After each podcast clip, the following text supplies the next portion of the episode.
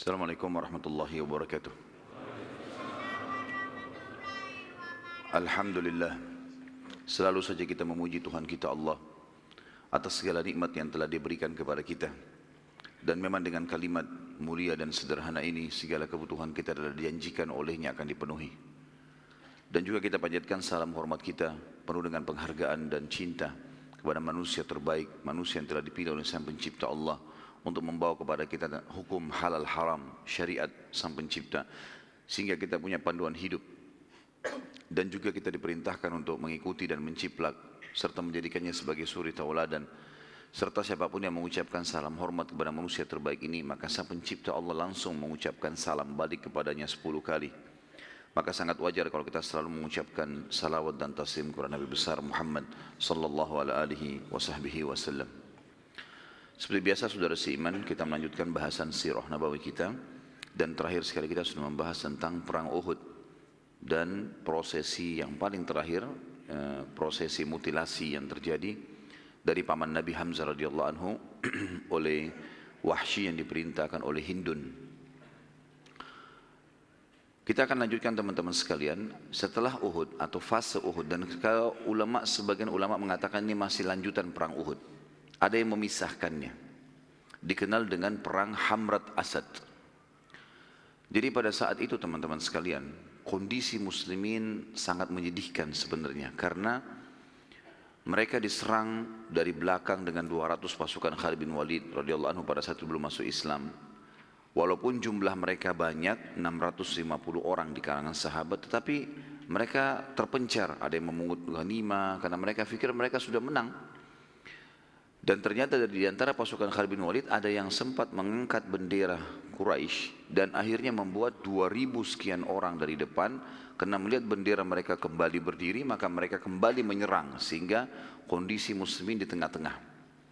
Dan ini membuat banyak sekali korban. Sementara Nabi SAW sendiri terdesak juga dengan sebagian pasukan Khalid bin Walid yang membuat akhirnya terpukul mundur ke dekat gunung Uhud.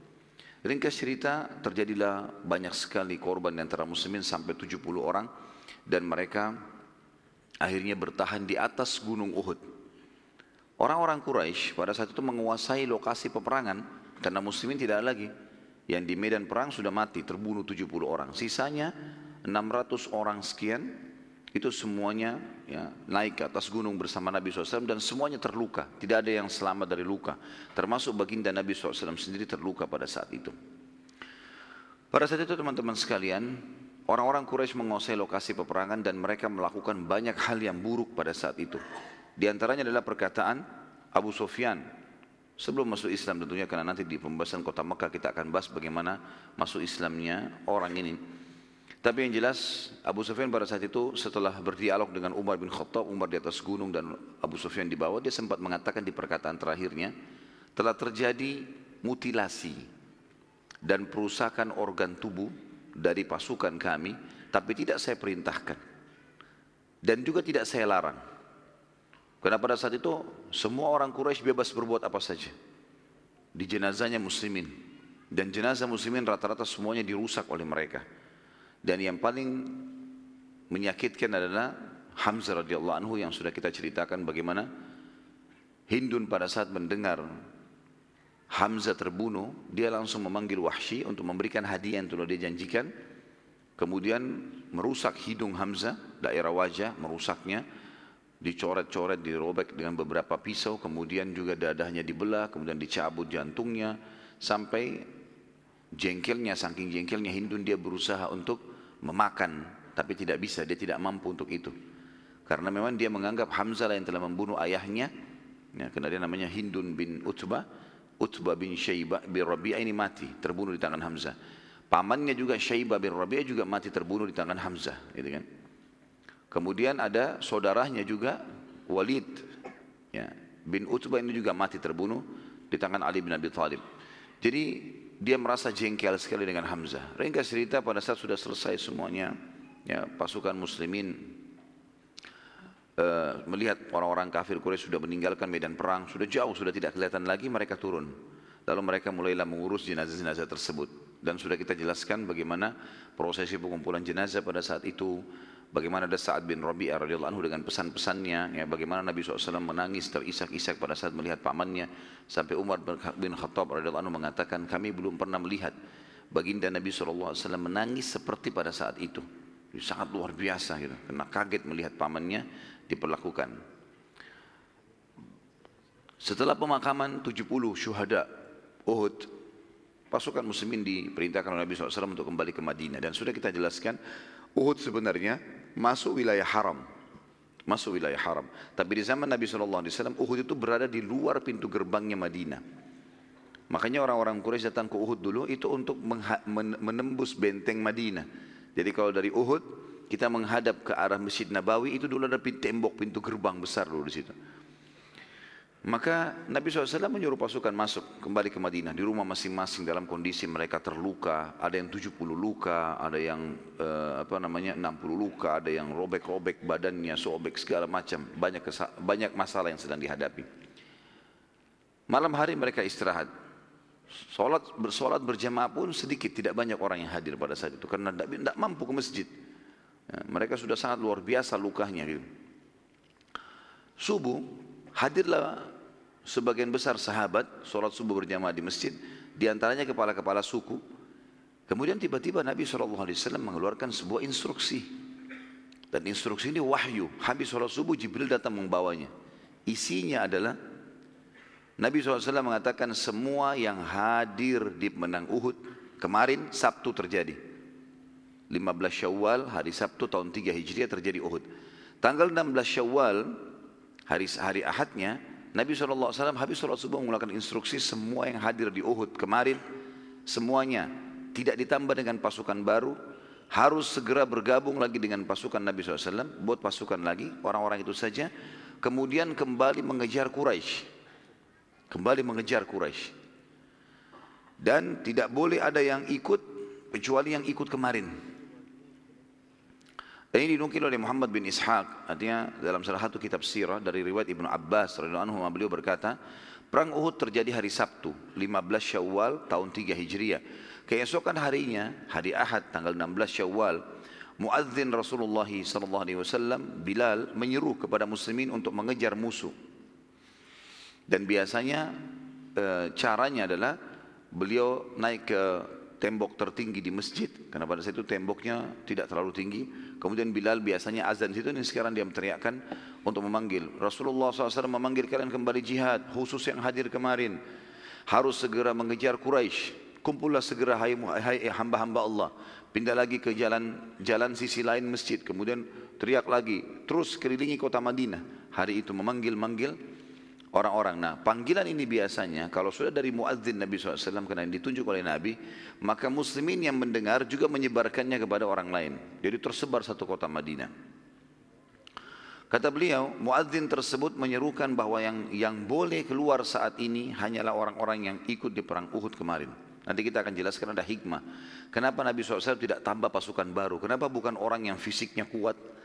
Di Madinah banyak muslimin yang tidak ada yang tidak sempat ikut, yang masih sehat. Gitu. Tapi di sini Nabi SAW mengajak yang kemarin saja. Bukan yang sekarang yang, yang masih kuat. Nanti ada hikmahnya tentunya. Dari sisi lain teman-teman sekalian, pada saat Nabi SAW habis sholat subuh instruksikan dan tiba-tiba seluruh pasukan berkumpul. Yang kemarin itu, 600 orang sekian berkumpul semua. 630 orang bersama Nabi SAW. Kumpul semuanya. Jadi lebih sedikit waktu hadapin Quraisy pertama 700 orang gitu kan. 70 orang sudah jadi korban. Sekarang berkumpul semuanya 650 orang ini, 630 orang bersama Nabi SAW. Lalu orang-orang yang lain ada yang datang mau bergabung. Ya Rasulullah kami juga mau ikut. Kata Nabi SAW tidak bisa. Yang kemarin, yang kemarin hadir dan itu ketahuan orang-orangnya siapa saja, apalagi mereka terluka. Lalu kumpullah mereka semua. Subhanallah di sisi di satu sisi ada hikmah syar'i.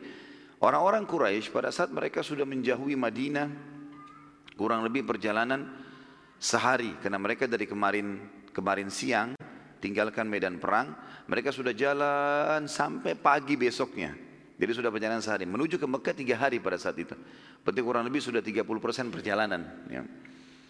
kalau kita sekarang mungkin 100 kilo sekian ya. mereka sudah jalan pada saat mereka sudah tiba di lokasi yang mereka tiba sekarang sekitar 30% dari jarak perjalanan ke Mekah, tiba-tiba mereka diskusi di waktu duha. Mereka diskusi, apa yang sudah kita lakukan nih? Kita belum menang sama sekali kata orang-orang Quraisy. Tadinya kita datang untuk menyerang Madinah dan menaklukkan Madinah. Kita bertemu dengan mereka di Uhud, lalu kemudian kita menganggap diri kita sudah menang, lalu kita pulang. Belum melakukan apa-apa. Kita harus kembali sekarang. Kembali serang Madinah, taklukin. Seperti itulah. Ternyata pada saat mereka diskusi, pasukan muslimin tadi kan subuh sudah berkumpul. Dan Rasulullah SAW tidak tunda, suruh jalan pada saat itu juga, pagi. Orang-orang Quraisy kirim mata-mata. Mata-mata Quraisy kaget melihat pasukan muslimin sudah jalan dari waktu subuh sampai duha, kurang lebih sudah menjalan perjalanan 5 sampai 7 persen dari perjalanan yang mesti ditempuh. Maka jalanlah orang mata-mata Quraisy melihat, loh ada pasukan muslimin. Dan mereka tahu pasukan itu ada yang ada yang sedang terluka ya, ada yang dadanya ditambal sesuatu, ditempel di daun-daunan, ada yang lagi terbaring di atas kudanya ya karena tidak mampu lagi untuk menegakkan punggungnya. Ada yang di, di, dipegang oleh temannya di atas unta, yang di belakang dijadikan sebagai tempat sandar temannya yang sedang luka di depan. Intinya dan pakaian yang dipakai kebanyakan pakaian yang kemarin. Sebagian sahabat saking patuhnya dengan Nabi SAW. Karena Nabi bilang yang ikut hadir adalah yang kemarin saja. Mereka bukan cuma sekedar yang hadir, bajunya nggak diganti. Jadi ada yang sudah bersihin lukanya, di bajunya ada darah-darah, itu dipakai kembali sama dia. Padahal dia punya baju perang baru. Tapi tidak, semua ditarik. Kuda-kudanya pun yang kemarin, itu yang dipakai. Gitu kan. Semua pokoknya seperti keadaan kemarin, persis. Mata-mata Quraisy kembali. Mengejar dengan cepat pasukan lalu mengatakan sungguh mereka telah mempersiapkan diri. Gitu. Lalu orang-orang Quraisy bermusyawarah, masa sih? Enggak mungkin ada pasukan yang luka-luka kemarin dan mereka lihat pada saat mereka sedang menebas pedang, mereka sedang melukai muslimin, tahu. Dan sudah menjadi sudah menjadi hukum lah kalau orang kalah perang kemarin terus hari ini bisa nyerang lagi itu kayaknya nggak mungkin. Apalagi dengan pasukan yang sama. Karena pada saat orang ini kembali, sempat mereka tanya kepada mata-mata, apa kau kenal siapa mereka itu? Kata dia, iya. Siapa? Yang kemarin semuanya hadir. Kok bisa kamu tahu? Semuanya luka-luka. Ini yang luka-luka ini yang ikut nih. Dalam kondisi luka, baju-baju mereka ada yang sobek, topeng mereka, top, topi besinya ada yang berdebu, kotor. Biasanya orang kalau baru keluar, habis dilap, bersih. Ini enggak, keadaannya memang seperti itu. Kuda-kuda mereka kelihatan letih, jadi kuda kemarin ya, sudah dipakai. Sekarang kondisinya memang seperti itu. Orang-orang Quraisy bermusyawarah, apa ini kira-kira? Kok bisa seperti ini? Enggak mungkin ada pasukan kalah kemarin sekarang sudah nyerang, enggak mungkin.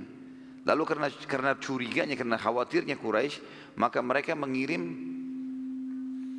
berita, informasi dengan caranya entah bagaimana sampailah ke kepala orang-orang munafikin. Ya, Ubaidillah bin Abi Salul didatangi diberikan surat entah bagaimana caranya karena saya tidak temukan juga dalam buku-buku bagaimana surat itu bisa sampai kepada kepala munafik di Madinah lalu ditanyakan isi suratnya apakah Muhammad membawa pasukan baru maka jawabannya tidak yang keluar adalah yang kemarin bahkan diiklankan satu Madinah tidak boleh ikut orang baru ini makin membuat apa Quraisy jadi ciut kok bisa orang yang kalah mau berperang. Mungkin kalau kita tangkap secara rasional teman-teman sekalian, oh lebih gampang kita kalahkan kan mereka sudah lemah, sudah luka. Enggak, ini malah terbalik. Orang-orang Quraisy berpikir ini berarti orang-orang ini luar siap mati. Ya. Dan lebih berbahaya karena mereka kemarin kita lukai. Mungkin sekarang mereka mau balas melukai kita. Akhirnya dengan keadaan seperti ini teman-teman sekalian, orang-orang Quraisy mengirim satu orang namanya Mu'bad al-Khuzai. Mu'bad al-Khuzai ini dia memang punya spesialis, suka e, kalau dalam peperangan, dia selalu seperti utusannya pasukan musuh, pasukannya dia, kemudian menakut-nakuti musuh. Menceritakan tentang jumlah pasukan, menceritakan tentang keterampilan, memang dia punya keterampilan di situ. Dan ini salah satu strategi perang, di zaman dulu ada seperti itu. Jadi ada orang yang dikirim untuk menjelaskan, dan dia tidak pernah takut, dia cerita dengan tegar walaupun di depan musuh semua, dan dia siap mati. Orang ini datang kemudian menemui Nabi SAW di depan seluruh muslim dan dia lihat sendiri memang pasukannya pasukan yang kemarin, gitu kan? Kemudian dia pun menyebarkan berita mengatakan, wahai muslimin ketahuilah Quraisy sekarang sedang menuju ke sini. Saya pembawa beritanya. Dan pasukan Quraisy sudah ditambah kekuatannya berlipat dari Mekah. Serta siap menaklukkan Madinah. Kondisi kalian dalam kondisi sakit begini, udah pastilah kalian akan dikalahkan. Terus dia teriak-teriak di sekitar pasukan. Dia udah siap kalau dia dibunuh pun oleh muslimin dia siap. Memang untuk itu tugasnya dia. Maka dia waktu teriak-teriak seperti itu dia kaget. Ternyata satu pasukan muslimin melihat ke arah dia lalu mengatakan hasbunallah wa ni'mal wakil. Cukuplah Allah menjadi penolong kami dan dia sebaik-baik tempat bersandar. Kami tidak akan mundur. Serentak satu pasukan ratusan orang maka orang ini kembali lagi ke Quraisy mengatakan sungguh betul-betul kita nggak bisa kalahkan ini pasukan. Ini yang datang sekarang ini pasukan yang mau mati nih. Siap nggak hadapin 600 orang semua mau mati? Kalau kalian siap ayo kita kembali lawan. Kalau nggak siap pulang. Karena sesungguhnya sekarang sudah tersebar jazirah Arab. Kalau kita sudah menang. Orang sudah tahu di Uhud kita menang. Jangan sampai kita balik kemudian kita dikalahkan. Lalu kemudian yang ada sekarang di pasukan Quraisy ini, pasukan intinya Mekah. Kalau ini kalah, mereka akan melanjutkan perjalanan ke Mekah. Ini lebih berbahaya. Maka kalau kita kembali lebih aman, kembali saja ke Mekah, anggap kita tidak dengar berita itu. Dan tidak mungkin pasukan selemah ini sampai ke Mekah. Susah. Kalaupun mereka sampai, kita masih punya banyak persiapan. Ringkas cerita, pada saat mereka lagi disuguhi seperti itu, Nabi SAW tiba di sebuah lokasi namanya Hamrat Asad. Ini nama lokasi. Ya.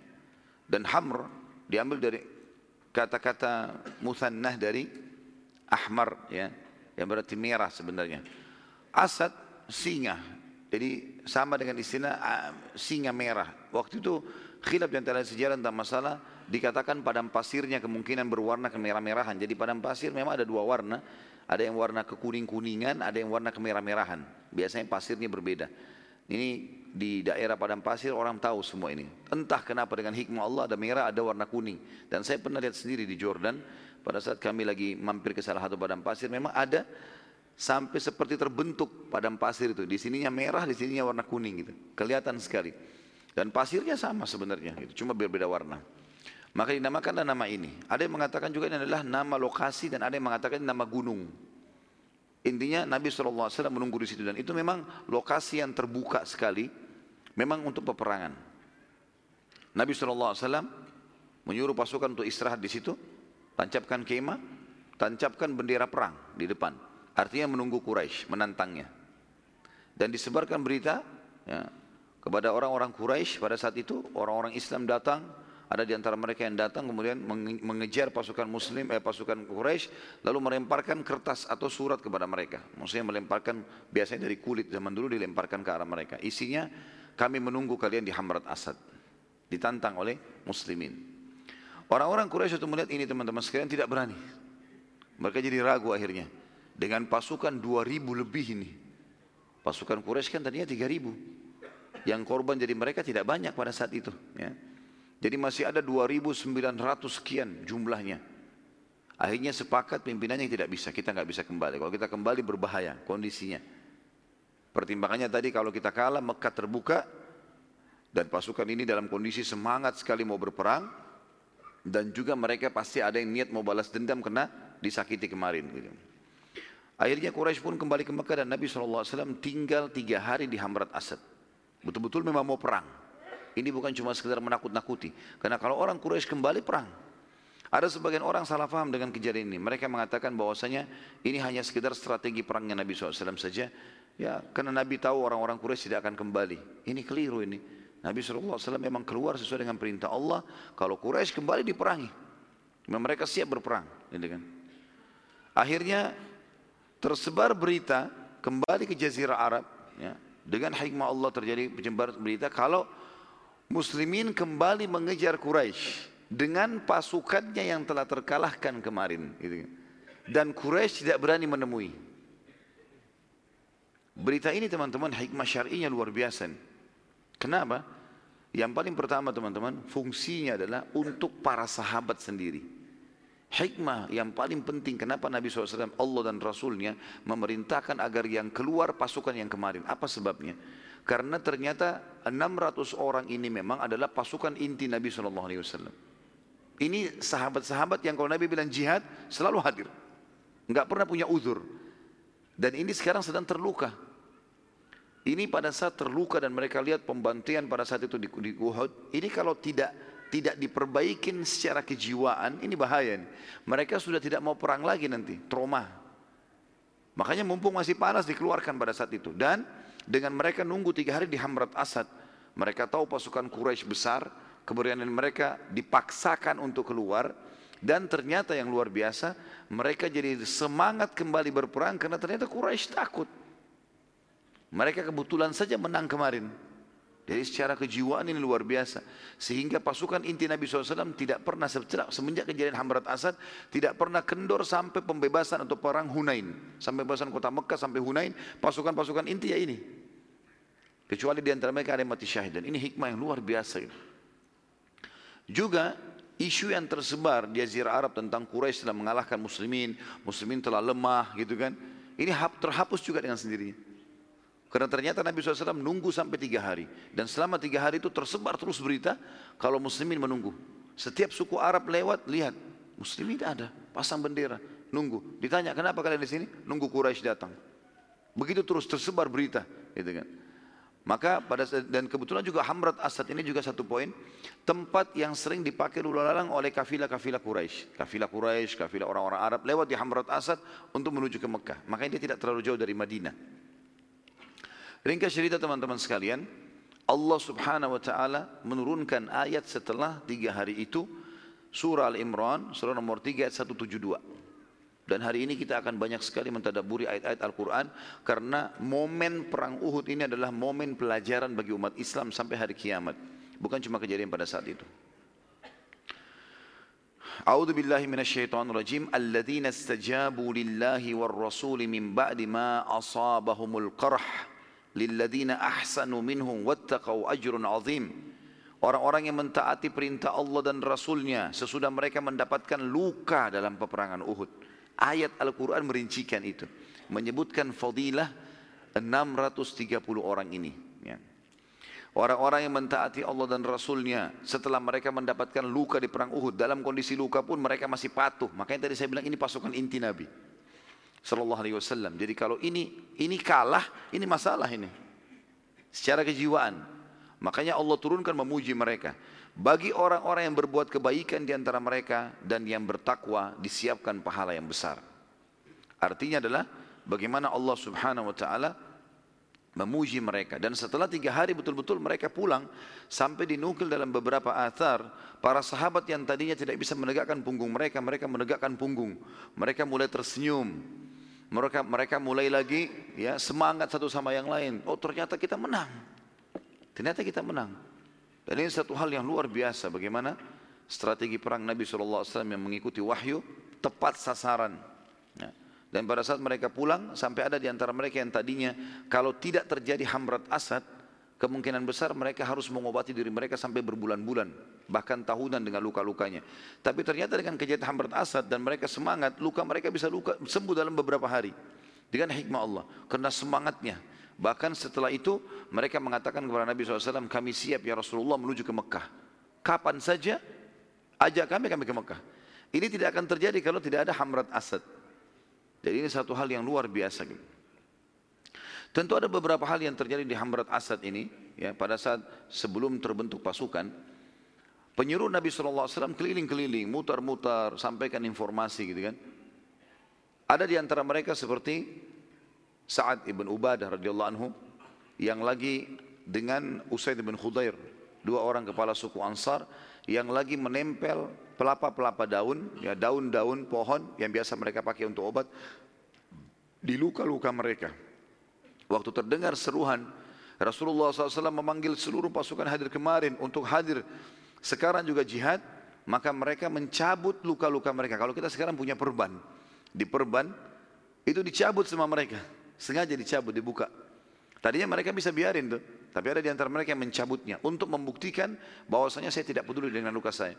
Maka Usaid bin Khudair menariknya sambil mengatakan, aku tidak akan pernah menolak panggilan Allah dan Rasulnya. Menarik daun tersebut sambil muncur lagi darahnya di dadahnya. ada yang di lengannya, ada yang di kepalanya. Mereka cabut semua itu untuk menunjukkan bahwa saya memang betul-betul mereka siap. Padahal mereka bisa biarkan dalam kondisi terperban misalnya mereka jalan kan. Tapi ini luar biasa, perjuangan sahabat yang luar biasa ini.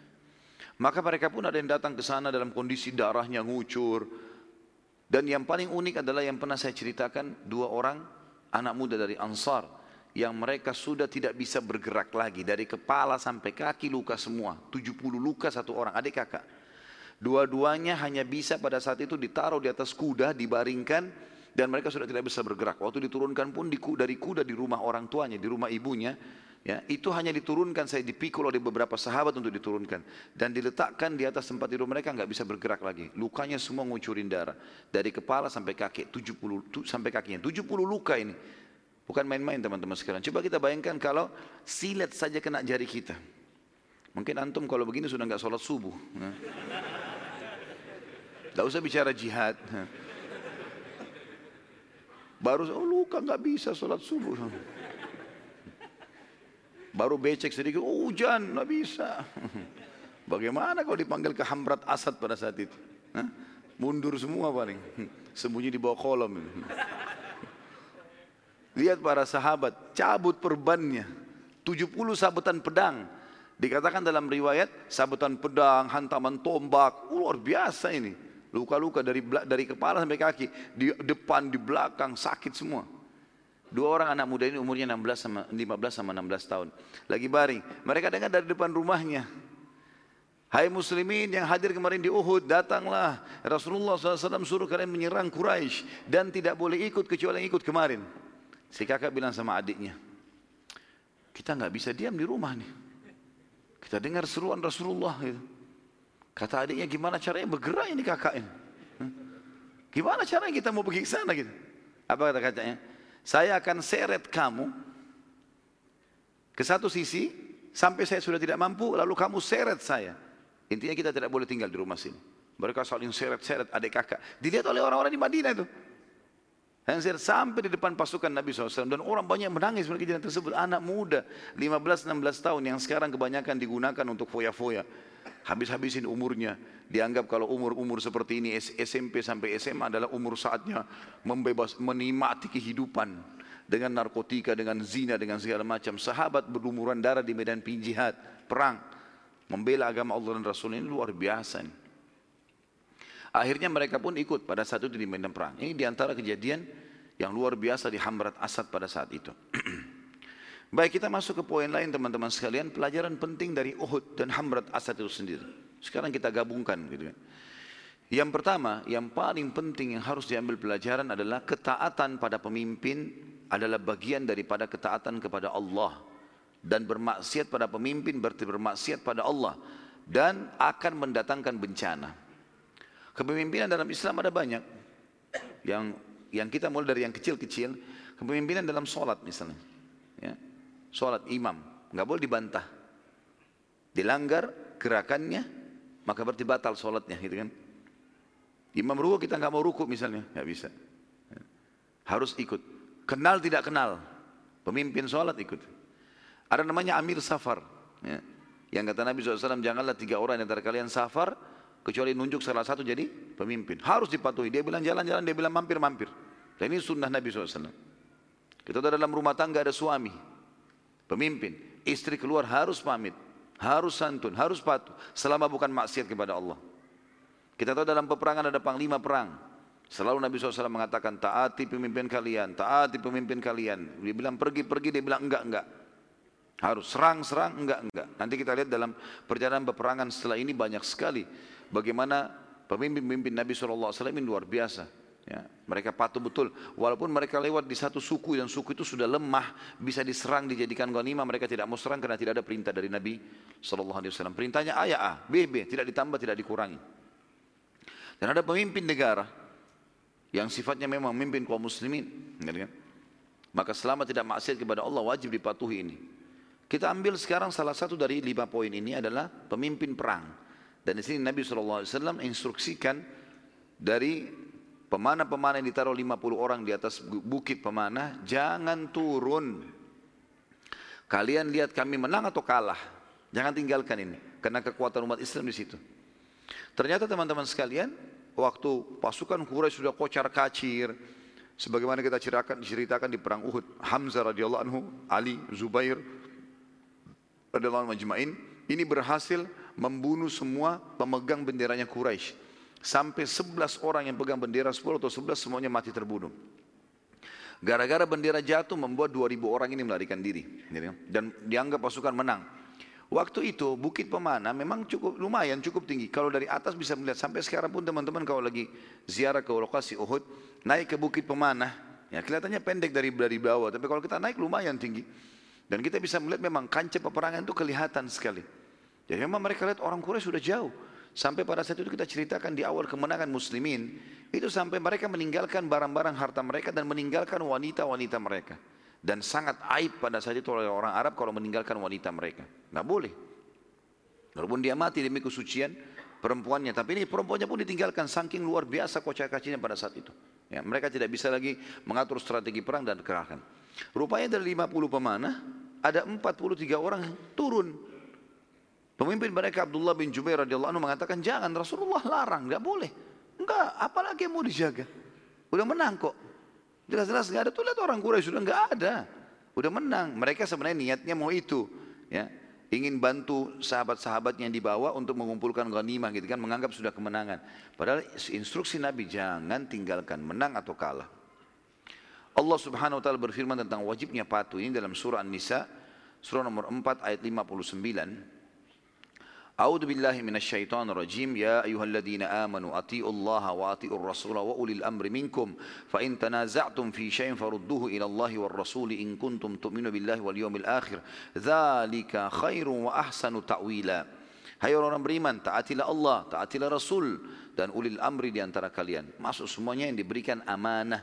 Puncaknya adalah raja atau presiden atau apalah khalifah, ya, pemimpin. Tapi semua masuk di masalah Al-amr ini artinya diberikan perkara. Ulil amr artinya dipegangkan kepercayaan untuk itu. Kemudian jika kalian berselisih pendapat tentang sesuatu, ada masalah ya, dalam masalah pemimpin safar, dalam masalah imam sholat, dalam masalah suami istri, ya, dalam masalah pemimpin perang, ya, pemimpin negara, kembalikan kepada Allah dan Rasulnya, Al-Quran dan Sunnah Nabi SAW. Jika kalian benar-benar beriman kepada Allah hari kemudian, yang demikian itu lebih utama bagi kalian dan lebih baik akibatnya. Demikianlah teman-teman sekalian terjadi pada saat itu di kancah Uhud terjadi pengkhianatan ya kalau kita tanda kutip di sini karena mereka me, me, me, ya kalau kita bahasakan lebih santun sebenarnya sebagian ahli sejarah menulis memang kalimat itu 43 orang yang dianggap berkhianat atas perintah Nabi SAW tapi kalau kita mau lebih santunkan kepada para sahabat kita mengatakan mereka ya niat baik tapi bukan pada tempatnya. Mereka niat sebenarnya karena memang tujuannya itu. Mereka turun untuk mengumpulkan ghanimah, harta rampasan perang, bukan untuk dirinya, enggak. Karena memang ghanimah tidak boleh diambil oleh seseorang kecuali dikumpulkan kepada panglima perang, nanti panglima perang yang bagi. Satu-satunya harta ghanimah yang kita boleh miliki adalah orang kalau duel dengan kita. Kalau duel, belum terjadi peperangan berkecamuk, diajak duel seperti kasus kita akan lihat di perang Khandak nanti bagaimana Ali bin Abi Thalib membunuh ya Amr bin Wud dan dia punya pedang, dia punya perisai. Ali bin Abi Thalib bisa ambil karena duel berdua, gitu kan? Maka itu jadi haknya. Di sini teman-teman sekalian, melanggar instruksi Nabi SAW adalah perkara besar ini. Dari sisi lain ya, dari sisi lain Memang Nabi SAW selain Nabi, selain Raja pada saat itu Muslimin, juga dia panglima perang. Jadi kepemimpinan bertumpuk pada Nabi SAW pada saat itu. Sudah rajanya Madinah, Muslimin, Nabi, tambah lagi sekarang jadi panglima perangnya. Kepemimpinan berkumpul semua di situ gitu ya. Maka instruksi beliau di sini berat momennya, jangan dilanggar. Sedangkan orang biasa saja kalau dilanggar bisa jadi dosa besar, apalagi Nabi SAW. Dan bertumpuk pada beliau SAW atau berkumpul pada beliau semua sifat kepemimpinan yang ada ini.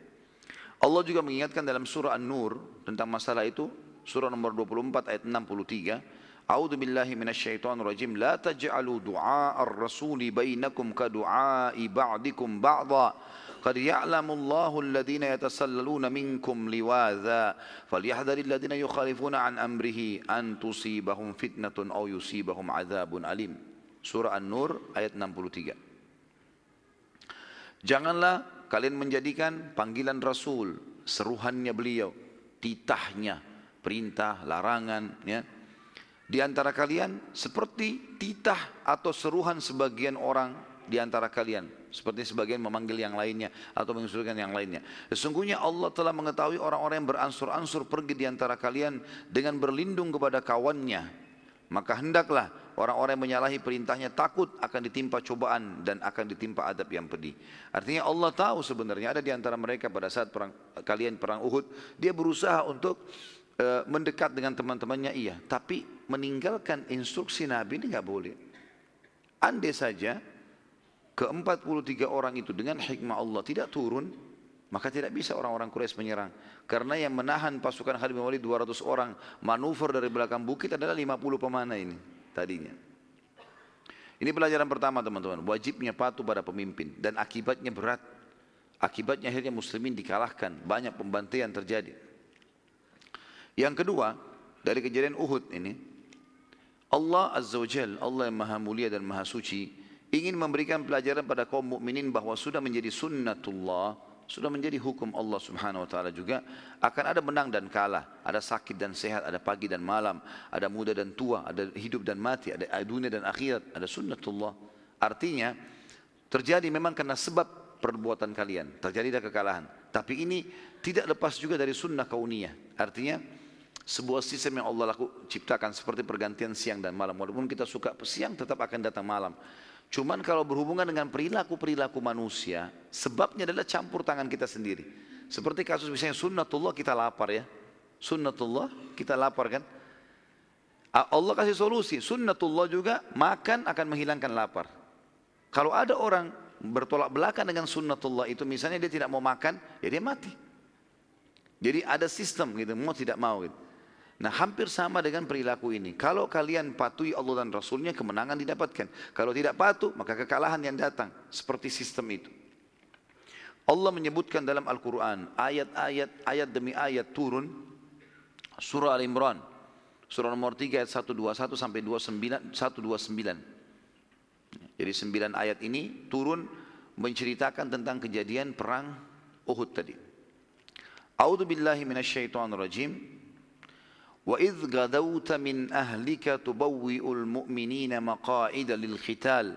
والله سميع عليم. إذ همت طائفتان منكم أن تفشلا. والله وليهما. وعلى الله فليتوكل المؤمنون. ولقد نصركم الله ببدر وأنتم أذلة. فاتقوا الله لعلكم تشكرون. إذ تقول للمؤمنين ألن يكفيكم أن يمدكم ربكم بثلاثة آلاف من الملائكة منزلين؟ Bala. إن تصبروا وتتقوا ويأتوكم من فورهم هذا يمددكم ربكم بخمسة آلاف من الملائكة مسومين وما جعله الله إلا بشرى لكم ولتطمئن قلوبكم به وما النصر إلا من عند الله العزيز الحكيم ليقطع طرفا من الذين كفروا أو يكبتهم فينقلبوا خائبين ليس لك من الأمر شيء أو يتوب عليهم أو يعذبهم فإنهم ظالمون ولله ما fis samawati wa ma fil ard yaghfiru liman yasha wa yu'adzibu man yasha wallahu ghafurur rahim. Jadi ayat ini turun tentang kejadian perang Uhud. Allah SWT menceritakan secara detail kepada kita walaupun kita tidak hadir. Kata Allah ingatlah untuk Nabi SAW disuruh ingat apa yang terjadi. Bagaimana kronologis keluarnya perang Uhud. Kalau kita yang sekarang datang umatnya SAW, umat Nabi SAW, kalau kita baca kalimat teman-teman sekalian dalam Al-Quran, ingatlah artinya pelajarilah. Artinya pelajarilah. Ingatlah aja pelajarilah. Ketika kau hai Muhammad pada pagi hari berangkat dari rumahmu, meninggalkan keluargamu, akan menempatkan kaum mukminin pada beberapa tempat untuk berperang dan Allah Maha mendengar lagi Maha mengetahui. Jadi pada saat kejadian Sabtu pagi Uhud itu Nabi SAW instruksikan semua sahabat untuk keluar. Awalnya kan mereka diskusi kalau antum masih ingat cerita tentang awal Uhud. Awalnya kan Nabi SAW diskusi, saya mimpi, ya, saya melihat ya, ada pedang saya yang bengkok, kemudian ada uh, sapi yang terbunuh ya kemudian saya masuk ke dalam sebuah benteng yang kuat lalu para sahabat mengatakan ya Rasulullah apa takwilnya kata Nabi SAW kalau uh, siapa yang terbunuh adalah ada beberapa sahabat saya yang terbunuh. Kalau pedang yang bengkok itu saya mentakwilkan keluarga saya yang terbunuh dan saya masuk benteng artinya saya masuk ke Madinah dan terlindungi dengan aman gitu kan. Maka para sahabat waktu itu terbagi dua. Ada yang mengatakan, ya Rasulullah kita keluar saja, perangi Quraisy. Jangan kita biarkan. Nabi SAW tadinya lebih cenderung di atas benteng Madinah, kita bisa panah-panahin orang, nggak usah keluar ke Uhud. Gitu kan? Bisa dilawan dari dalam. Sebagian sahabat mengatakan, ya Rasulullah dalam benteng aja.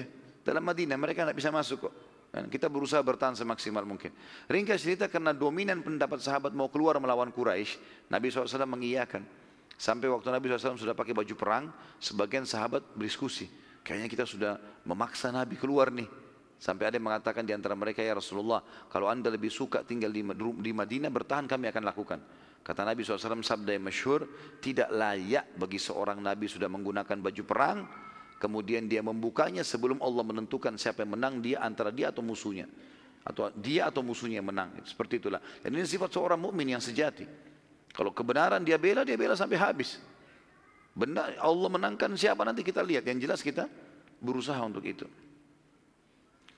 Kata Allah, ketika ada dua golongan, ya, dan ini maksudnya di potongan ayat pertama 121 itu adalah di perang Uhud ya. Kalimat di situ dikatakan, ingatlah ketika engkau berangkat pagi hari dari rumahmu, rumah keluargamu, dan akan menempatkan para mukminin di beberapa tempat untuk berperang. Maksudnya di lokasi Uhud, mengatur strategi. Kamu di gunung pemana, kalian ikut di sini, diatur strategi perang. Dan Allah maha mendengar dan maha mengetahui apa yang terjadi. Di ayat satu dua duanya ketika dua golongan dari kamu ingin mundur karena takut jadi waktu kalau masih ingat juga terjadi di awal perang Uhud teman-teman sekalian jumlah muslimin yang keluar berapa orang awal Hah? siapa yang jawab bisik-bisik mana saya dengar Hah? lah awal keluar siapa yang jawab angkat tangan Hah? Ahsan, Hah? buku Kasih buku tolong. Seribu awalnya. Tapi ada yang bu, bubar, pulang. Ya, yang pulang 300, orang orang munafik. Akhirnya jumlah muslimin jadi sisa 700. Ya kan? Karena masalahnya tiga, 300 orang ini pulang. Nah pada saat 300 itu pulang, ternyata ada dua suku juga dari Ansar dari Madinah, ikut-ikutan mau pulang. Ikut-ikut sama orang munafik, padahal mereka orang beriman. Karena mereka ber, karena orang-orang munafik bilang, ini Quraisy besar loh jumlahnya. Ngapain kita di medan perang? Kalau kita kalah gimana? Keluarga bagaimana, anak istri bagaimana, harta kita bagaimana. Udah kita pulang aja bertahan di benteng. Nanti kalau pasukan ini kalah, saya muslimin, kalah, kita tetap bertahan, kita lawan di dalam benteng. Maka ada dua suku dari Ansar sempat terpengaruh. Namun akhirnya mereka kembali karena dimotivasi oleh sahabat-sahabat Nabi yang lain untuk kembali. Dan suku ini adalah Bani Salamah dari Khazraj Bani Salamah dari Khazraj dan Bani Haritha dari suku Aus. Kan Ansar ada dua suku, Aus dan Khazraj. Tapi di, di bawah Aus ada banyak pecahan cabang suku, di bawah Khazraj juga ada banyak pecahan suku. Ya. Karena saya sudah pernah juga jelaskan di awal-awal pertemuan kita teman-teman, dari mana semuanya suku-suku Arab ini begitu banyak. Ya. Saya tidak tahu apakah semua suku di muka bumi ini caranya sama. Tapi sampai sekarang orang-orang Arab itu kalau ada di antara mereka punya kelebihan fisik, punya kelebihan harta, punya jabatan, berkumpul padanya ini ya, keturunannya banyak ya. Jadi dia fisiknya gagah, tinggi, segala macam, kemudian punya harta kaya, punya jabatan, ya tokoh, misalnya ditokohkan, punya keturunan banyak, maka bisa dia buat suku sendiri. Namanya bisa pakai jadi suku. Jadi terbentuklah banyak nama-nama suku ini. Makanya induknya suku Ansar di Madinah Aus dan Khazraj. Di bawah Aus banyak sekali pecahan suku. Diambil dari orang-orang yang tadi berprestasi itu dinisbatkanlah suku Bani. Seperti dikatakan tadi suku Bani Salama. Ada orang namanya Salama ini. Kemudian dikatakan Bani Salama keturunannya Salama ini. Itu dari suku Khazraj. Bani Haritha, nama orang Haritha. Kemudian karena dia tadi punya kedudukan lalu dibuatlah suku itu. Dan dia pecahan dari suku Aus. Gitu. Nah dua suku ini sempat terpengaruh teman-teman sekalian oleh orang-orang munafik. Ikut pulang, jumlahnya banyak. Tadinya 1300 munafik pulang. Dua suku ini lumayan banyak. Ya, kalau saya tidak salah masing-masing 50 atau 70 orang. Pulang juga. Jadi pasukan muslimin nanti cuma 3, 500an sekian. Jumlahnya kalau oh ini dua suku ini pulang. Di tengah jalan, pas dari kancah peperangan Uhud ke pintu gerbang, dikejar oleh beberapa sahabat. Apa yang kalian ikut-ikut? Orang-orang itu jelas munafik. Untuk apa kalian ikuti? Ini kesempatan mengejar surga. Apa yang kalian takuti? Bukankah kita targetnya mau mati syahid? Dimotivasi sampai akhirnya dua suku ini kembali. Allah ceritakan tentang dua suku itu dalam Al-Quran. Dan ini kalau antum tidak mempelajari sirah, susah kita mendapatkan informasinya. Kalau baca saja ayatnya. Ayat ini yang katakan ketika dua golongan daripadamu ingin mundur karena takut. Siapa dua golongan ini? Harus sirah menjelaskan ini. Dan disebutkan rinci siapa mereka. Bahkan pasukan muslimin tahu siapa individu-individu itu. 50 atau 70 orang setiap suku tadi. Padahal Allah adalah penolong bagi kedua golongan itu. Pasti menang, nggak usah khawatir. Gitu kan. Allah akan berikan kemenangan. Tapi Uhud terjadi tadi kala ini karena masalahnya Pelajaran ya, karena mereka ada yang melanggar perintah Nabi SAW. Buktinya di awal peperangan menang. Di Hamrat Asad menang. Jadi pada saat mereka melanggar saja kalah. Di awal menang. Sampai 2000 orang lari semua depan mata mereka. Padahal menghadapi 650 orang saja. Gitu kan. 700 orang saja. Jadi jelas sekali. Kata Allah, karena itu hendaklah kepada Allah saja orang-orang mukmin bertawakal. Satu dua tiganya. Sungguh Allah telah menolong kalian di perang Badar. Perang Badar jelas jumlah muslimin cuma 314 bersama Nabi SAW menghadapi 1000 orang Quraisy. Dan pada saat itu jelas sekali kata Allah, padahal kamu pada saat itu dalam keadaan lemah. Kenapa lemah? Karena 314 orang, 313 sahabat, 314 sama Nabi SAW. Ini keluar bukan niatnya mau perang sama Quraisy, niatnya mau mengejar kafilah Abu Sufyan. Mengejar kafilah, ada sahabat yang keluar, bawa pedang, nggak pakai baju besi, nggak pakai top, topi besi, nggak ada persiapan perang, beda. Orang yang keluar untuk perang pada zaman itu dari kepalanya sampai kakinya semuanya besi. Ini enggak karena mau nahan kafilah, kafilah cuma dijaga 30-40 orang, jumlah mereka 300-an. Jadi ada yang mereka berangkat sederhana sekali. Kan itu. Mereka keluar dengan sederhana sekali, jalan kaki dan seterusnya. Ternyata terjadi dengan hikmah Allah kita sudah ceritakan di perang Badar bagaimana Allah mengatakan perang Badar adalah betul-betul tanda kutip rekayasa dari sang pencipta Allah. Ya, tanda kutip di sini ya. Bagaimana Allah SWT mengatur peperangan itu. Sampai Allah mengatakan, kalau kalian janjian tidak akan terjadi peperangan. Keluarlah seribu pasukan orang-orang Quraisy dari Mekah, pasukan perang. Seribu-seribunya semua menggunakan kuda. Siap semuanya dan kuda dipakai perang, siap juga kudanya itu bisa menyerang, bisa nyeruduk, bisa menendang. Kuda yang sudah dilatih. Tapi akhirnya menang kata Allah. Bukankah Allah memberikan kemenangan kepada kalian di Badr kata Allah. Di ayat 1, 2, 3 nya. Jelas bahasanya Allah di sini. Sementara kalian lemah. Kalian menghadapi pasukan besar tapi menang. Kan dengan senjata sederhana. Karena itu bertawakallah kepada Allah agar kalian mensyukur atau mensyukurinya maksudnya berterima kasih padanya. Satu dua empat. Ingatlah. Ingat kalau kalimat ingatlah untuk kita berarti pelajarilah. Ketika kamu mengatakan hai Muhammad kepada orang-orang mukmin, apakah tidak cukup untuk kalian Allah membantu kalian dengan 3000 pasukan dari langit? Artinya kalau seandainya perang Uhud itu 43 orang tidak turun dari bukit memanah dan Quraisy masih kembali lagi 2000 itu untuk melawan, pada saat itu Allah akan turunkan 3000 malaikat yang akan menghabiskan mereka. Kata Nabi SAW, kata Allah, Allah juga ceritakan lagi. Katakan kepada mereka, hai Muhammad, kalau mereka sabar, ya akan cukup 3000 itu. Karena satu malaikat cukup menghancurkan semua orang Quraisy. 3000 malaikat itu luar biasa. Jika kalian bersabar dan bersiap siaga, tetap patuh dengan perintah Allah, maka akan datang pertolongan Allah seketika itu juga. Ya, lima ribu malaikat yang memakai tanda-tanda. Maksudnya bisa disaksikan oleh orang-orang. Orang-orang Quraisy pun bisa menyaksikan para malaikat itu. Sebagaimana kita tahu di perang Badar, orang-orang Quraisy melihat malaikat. Ya, mereka ada yang ada yang mereka sempat ditawan oleh muslimin dan mereka mengakui bahwasanya tadinya kami melihat orang-orang yang menggunakan jubah putih dan kami tidak mengenal mereka. Bukan dari penduduk Madinah gitu kan. Tapi posternya seperti manusia. Cuma sangat kuat sangat kokoh gitu kan. Ayat 126 dan Allah tidak menjadikan pemberian bala bantuan itu melainkan sebagai kabar gembira atas kemenangan kalian. Dan agar tenteramlah hati kalian kepadanya. Dan kemenanganmu atau kemenangan kalian itu hanyalah dari sisi Allah yang maha perkasa lagi maha bijaksana. Artinya kalau kalian ikuti saja Allah bilang perang, perang. Kayak kita azan, sholat. Udah ikuti saja. Puasa, puasa, zakat, zakat. Tidak usah bantah. Ikutin. Sudah tentram itu. Aman. Kan? Begitu saja. Gak usah terlalu banyak membangkang. Tadi disuruh jangan, jangan, lakukan, lakukan. Nah, selesai. Jadi itu orang mukmin, cirinya orang mukmin. Yang penting yang instruksikan adalah Allah dan Rasulnya. Dikatakan di sini satu dua tujuhnya Allah menolong kalian dalam perang Badar dan memberi bara bantuan itu untuk membinasakan segolongan orang-orang kafir dan untuk menjadi menjadikan mereka hina dan mereka kembali dengan tidak memperoleh apa-apa. Satu dua delapannya tidak ada sedikit pun campur tangan Muhammad dalam urusan mereka itu dan Allah men, a, a, a, a, tidak ada saya ulangi lagi kembali tidak ada sedikit pun campur tanganmu dalam urusan itu hai Muhammad urusan mereka maksudnya orang-orang Quraisy. Baik Allah menerima taubat mereka atau Allah mengadab mereka. Karena sungguhnya mereka itu adalah orang-orang zalim. Ada sebabnya ayat ini turun.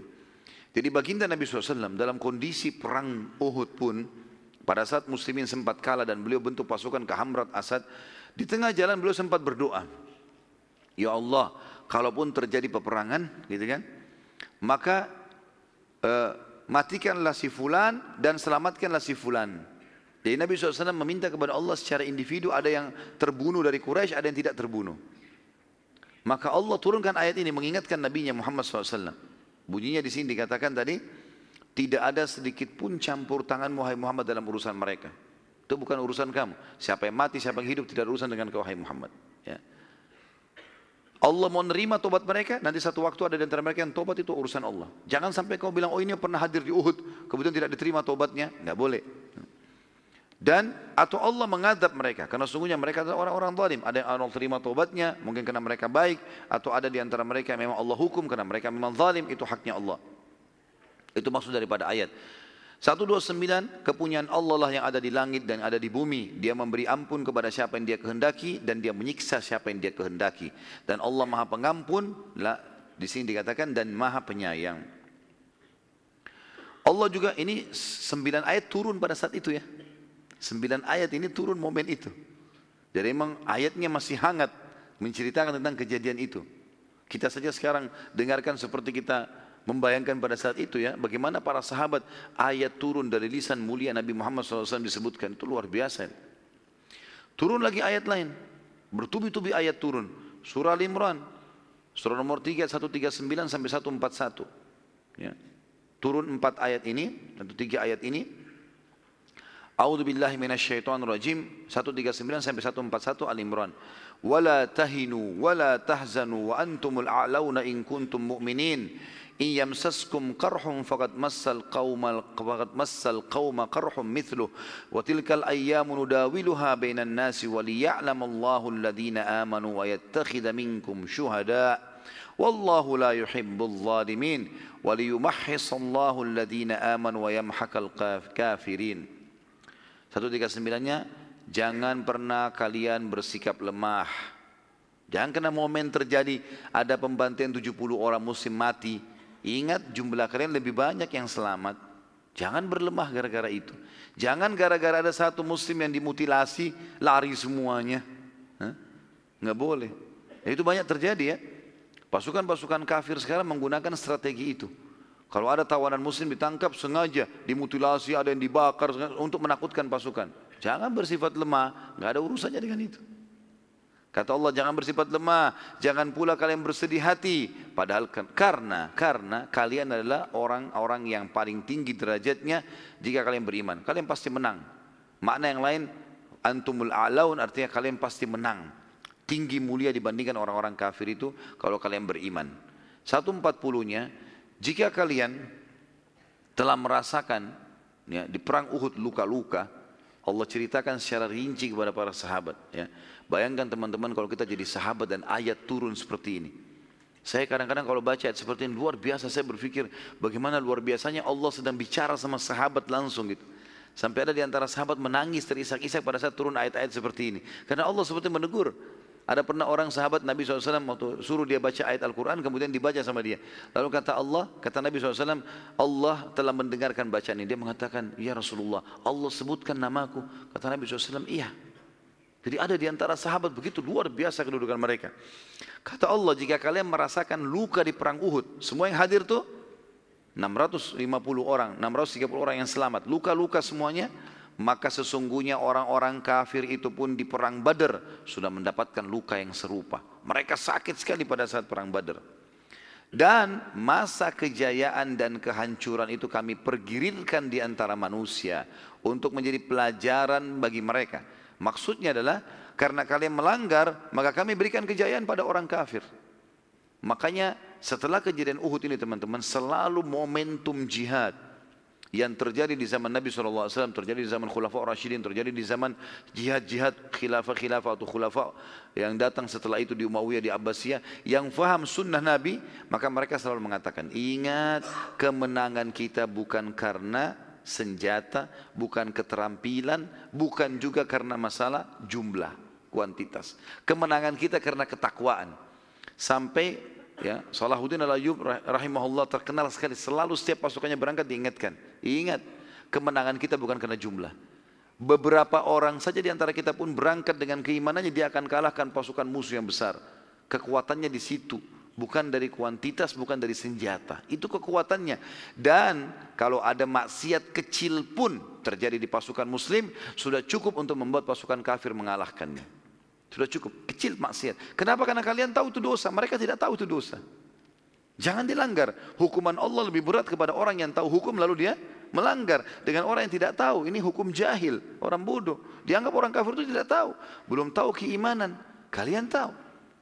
Dan mereka juga sangat tahu para sahabat, para tabi'in, orang-orang saleh sebelum kita teman-teman sekalian, kapan mereka melihat memuncak maksiat terjadi di benteng musuh, berarti kemenangan sudah dekat. Ada di antara mereka mengatakan kalau kami mendengarkan dari benteng musuh suara mencaci maki Allah dan Rasulnya, kami bertakbir besok kita pasti menang udah. Karena maksiatnya mereka bertambah, maka ada banyak pintu celah untuk menurunkan azabnya Allah pada mereka. Jadi di sini teman-teman sekalian bukan dari kuantitas, bukan dari keterampilan. Waktu Umar bin Khattab mengumpulkan pasukan untuk Qadisiyah, terkumpul 30 ribu orang. 30 ribu orang ini tukang kebun banyak. Orang yang nggak punya keterampilan perang, bukan prajurit. Dari kebun-kebun kurma dikumpulin semuanya. Orang yang mau ikut jihad sampai 30 ribu orang. Melawan pasukan Persia, 240 ribu semuanya personil perang. Keterampilan bela dirinya hebat, senjatanya hebat. Kalah dengan 30 ribu orang. Kalah. Kuasa Allah SWT. Allah bisa membuat tebasannya dia meleset dari antum. Bisa Allah buat. Dan tiba-tiba antum bisa menusuknya dia. Berarti bukan kita melalaikan, bukan kita mengatakan jangan punya keterampilan, tidak. Tapi kekuatan menang di situ. Itu poin penting sekali. Ya, jadi kejayaan dan kehancuran Allah bagikan kepada hamba-hambanya, tetapi orang beriman tetap dijanjikan kemenangan asal mereka taat di sini dan jangan ada kemaksiatan. Poinnya di situ. Kapan ada kemaksiatan, kehancuran menimpa kalian, kejayaan dapat mereka. Kita tahu sejarah Spanyol, bagaimana jatuhnya Spanyol. Awal-awal ditembus itu oleh Tarik, ya, bin Ziyad, ya, kemudian Musa, ya, rahimahullah semua pemimpin muslim yang tembus sana dengan keimanan. Begitu masuk disebarkan Islam segala macam. Setelah 200 tahun sekian bagaimana bisa runtuh teman-teman? Mulai terpecah-pecah Spanyol tadinya menjadi sebuah wilayah Islam yang luas menjadi kerajaan-kerajaan kecil. Saling bersaing satu sama yang lain, sibuk dengan dunia. Akhirnya pasukan kafir datang habis semua. Habis terjadi pembantaian. Dan itu sunnatullah sudah terjadi di Uhud. Ambil pelajaran. Jangan terulang lagi momen ini. Gitu ya. Terulang di Spanyol itu teman-teman sekalian. Terulang di banyak wilayah-wilayah muslimin seperti itu. Maksiat kepada Allah. Gimana mau menang gitu. Padahal dengan menjaga hubungan dengan Allah pasti kejayaan akan kita dapatkan.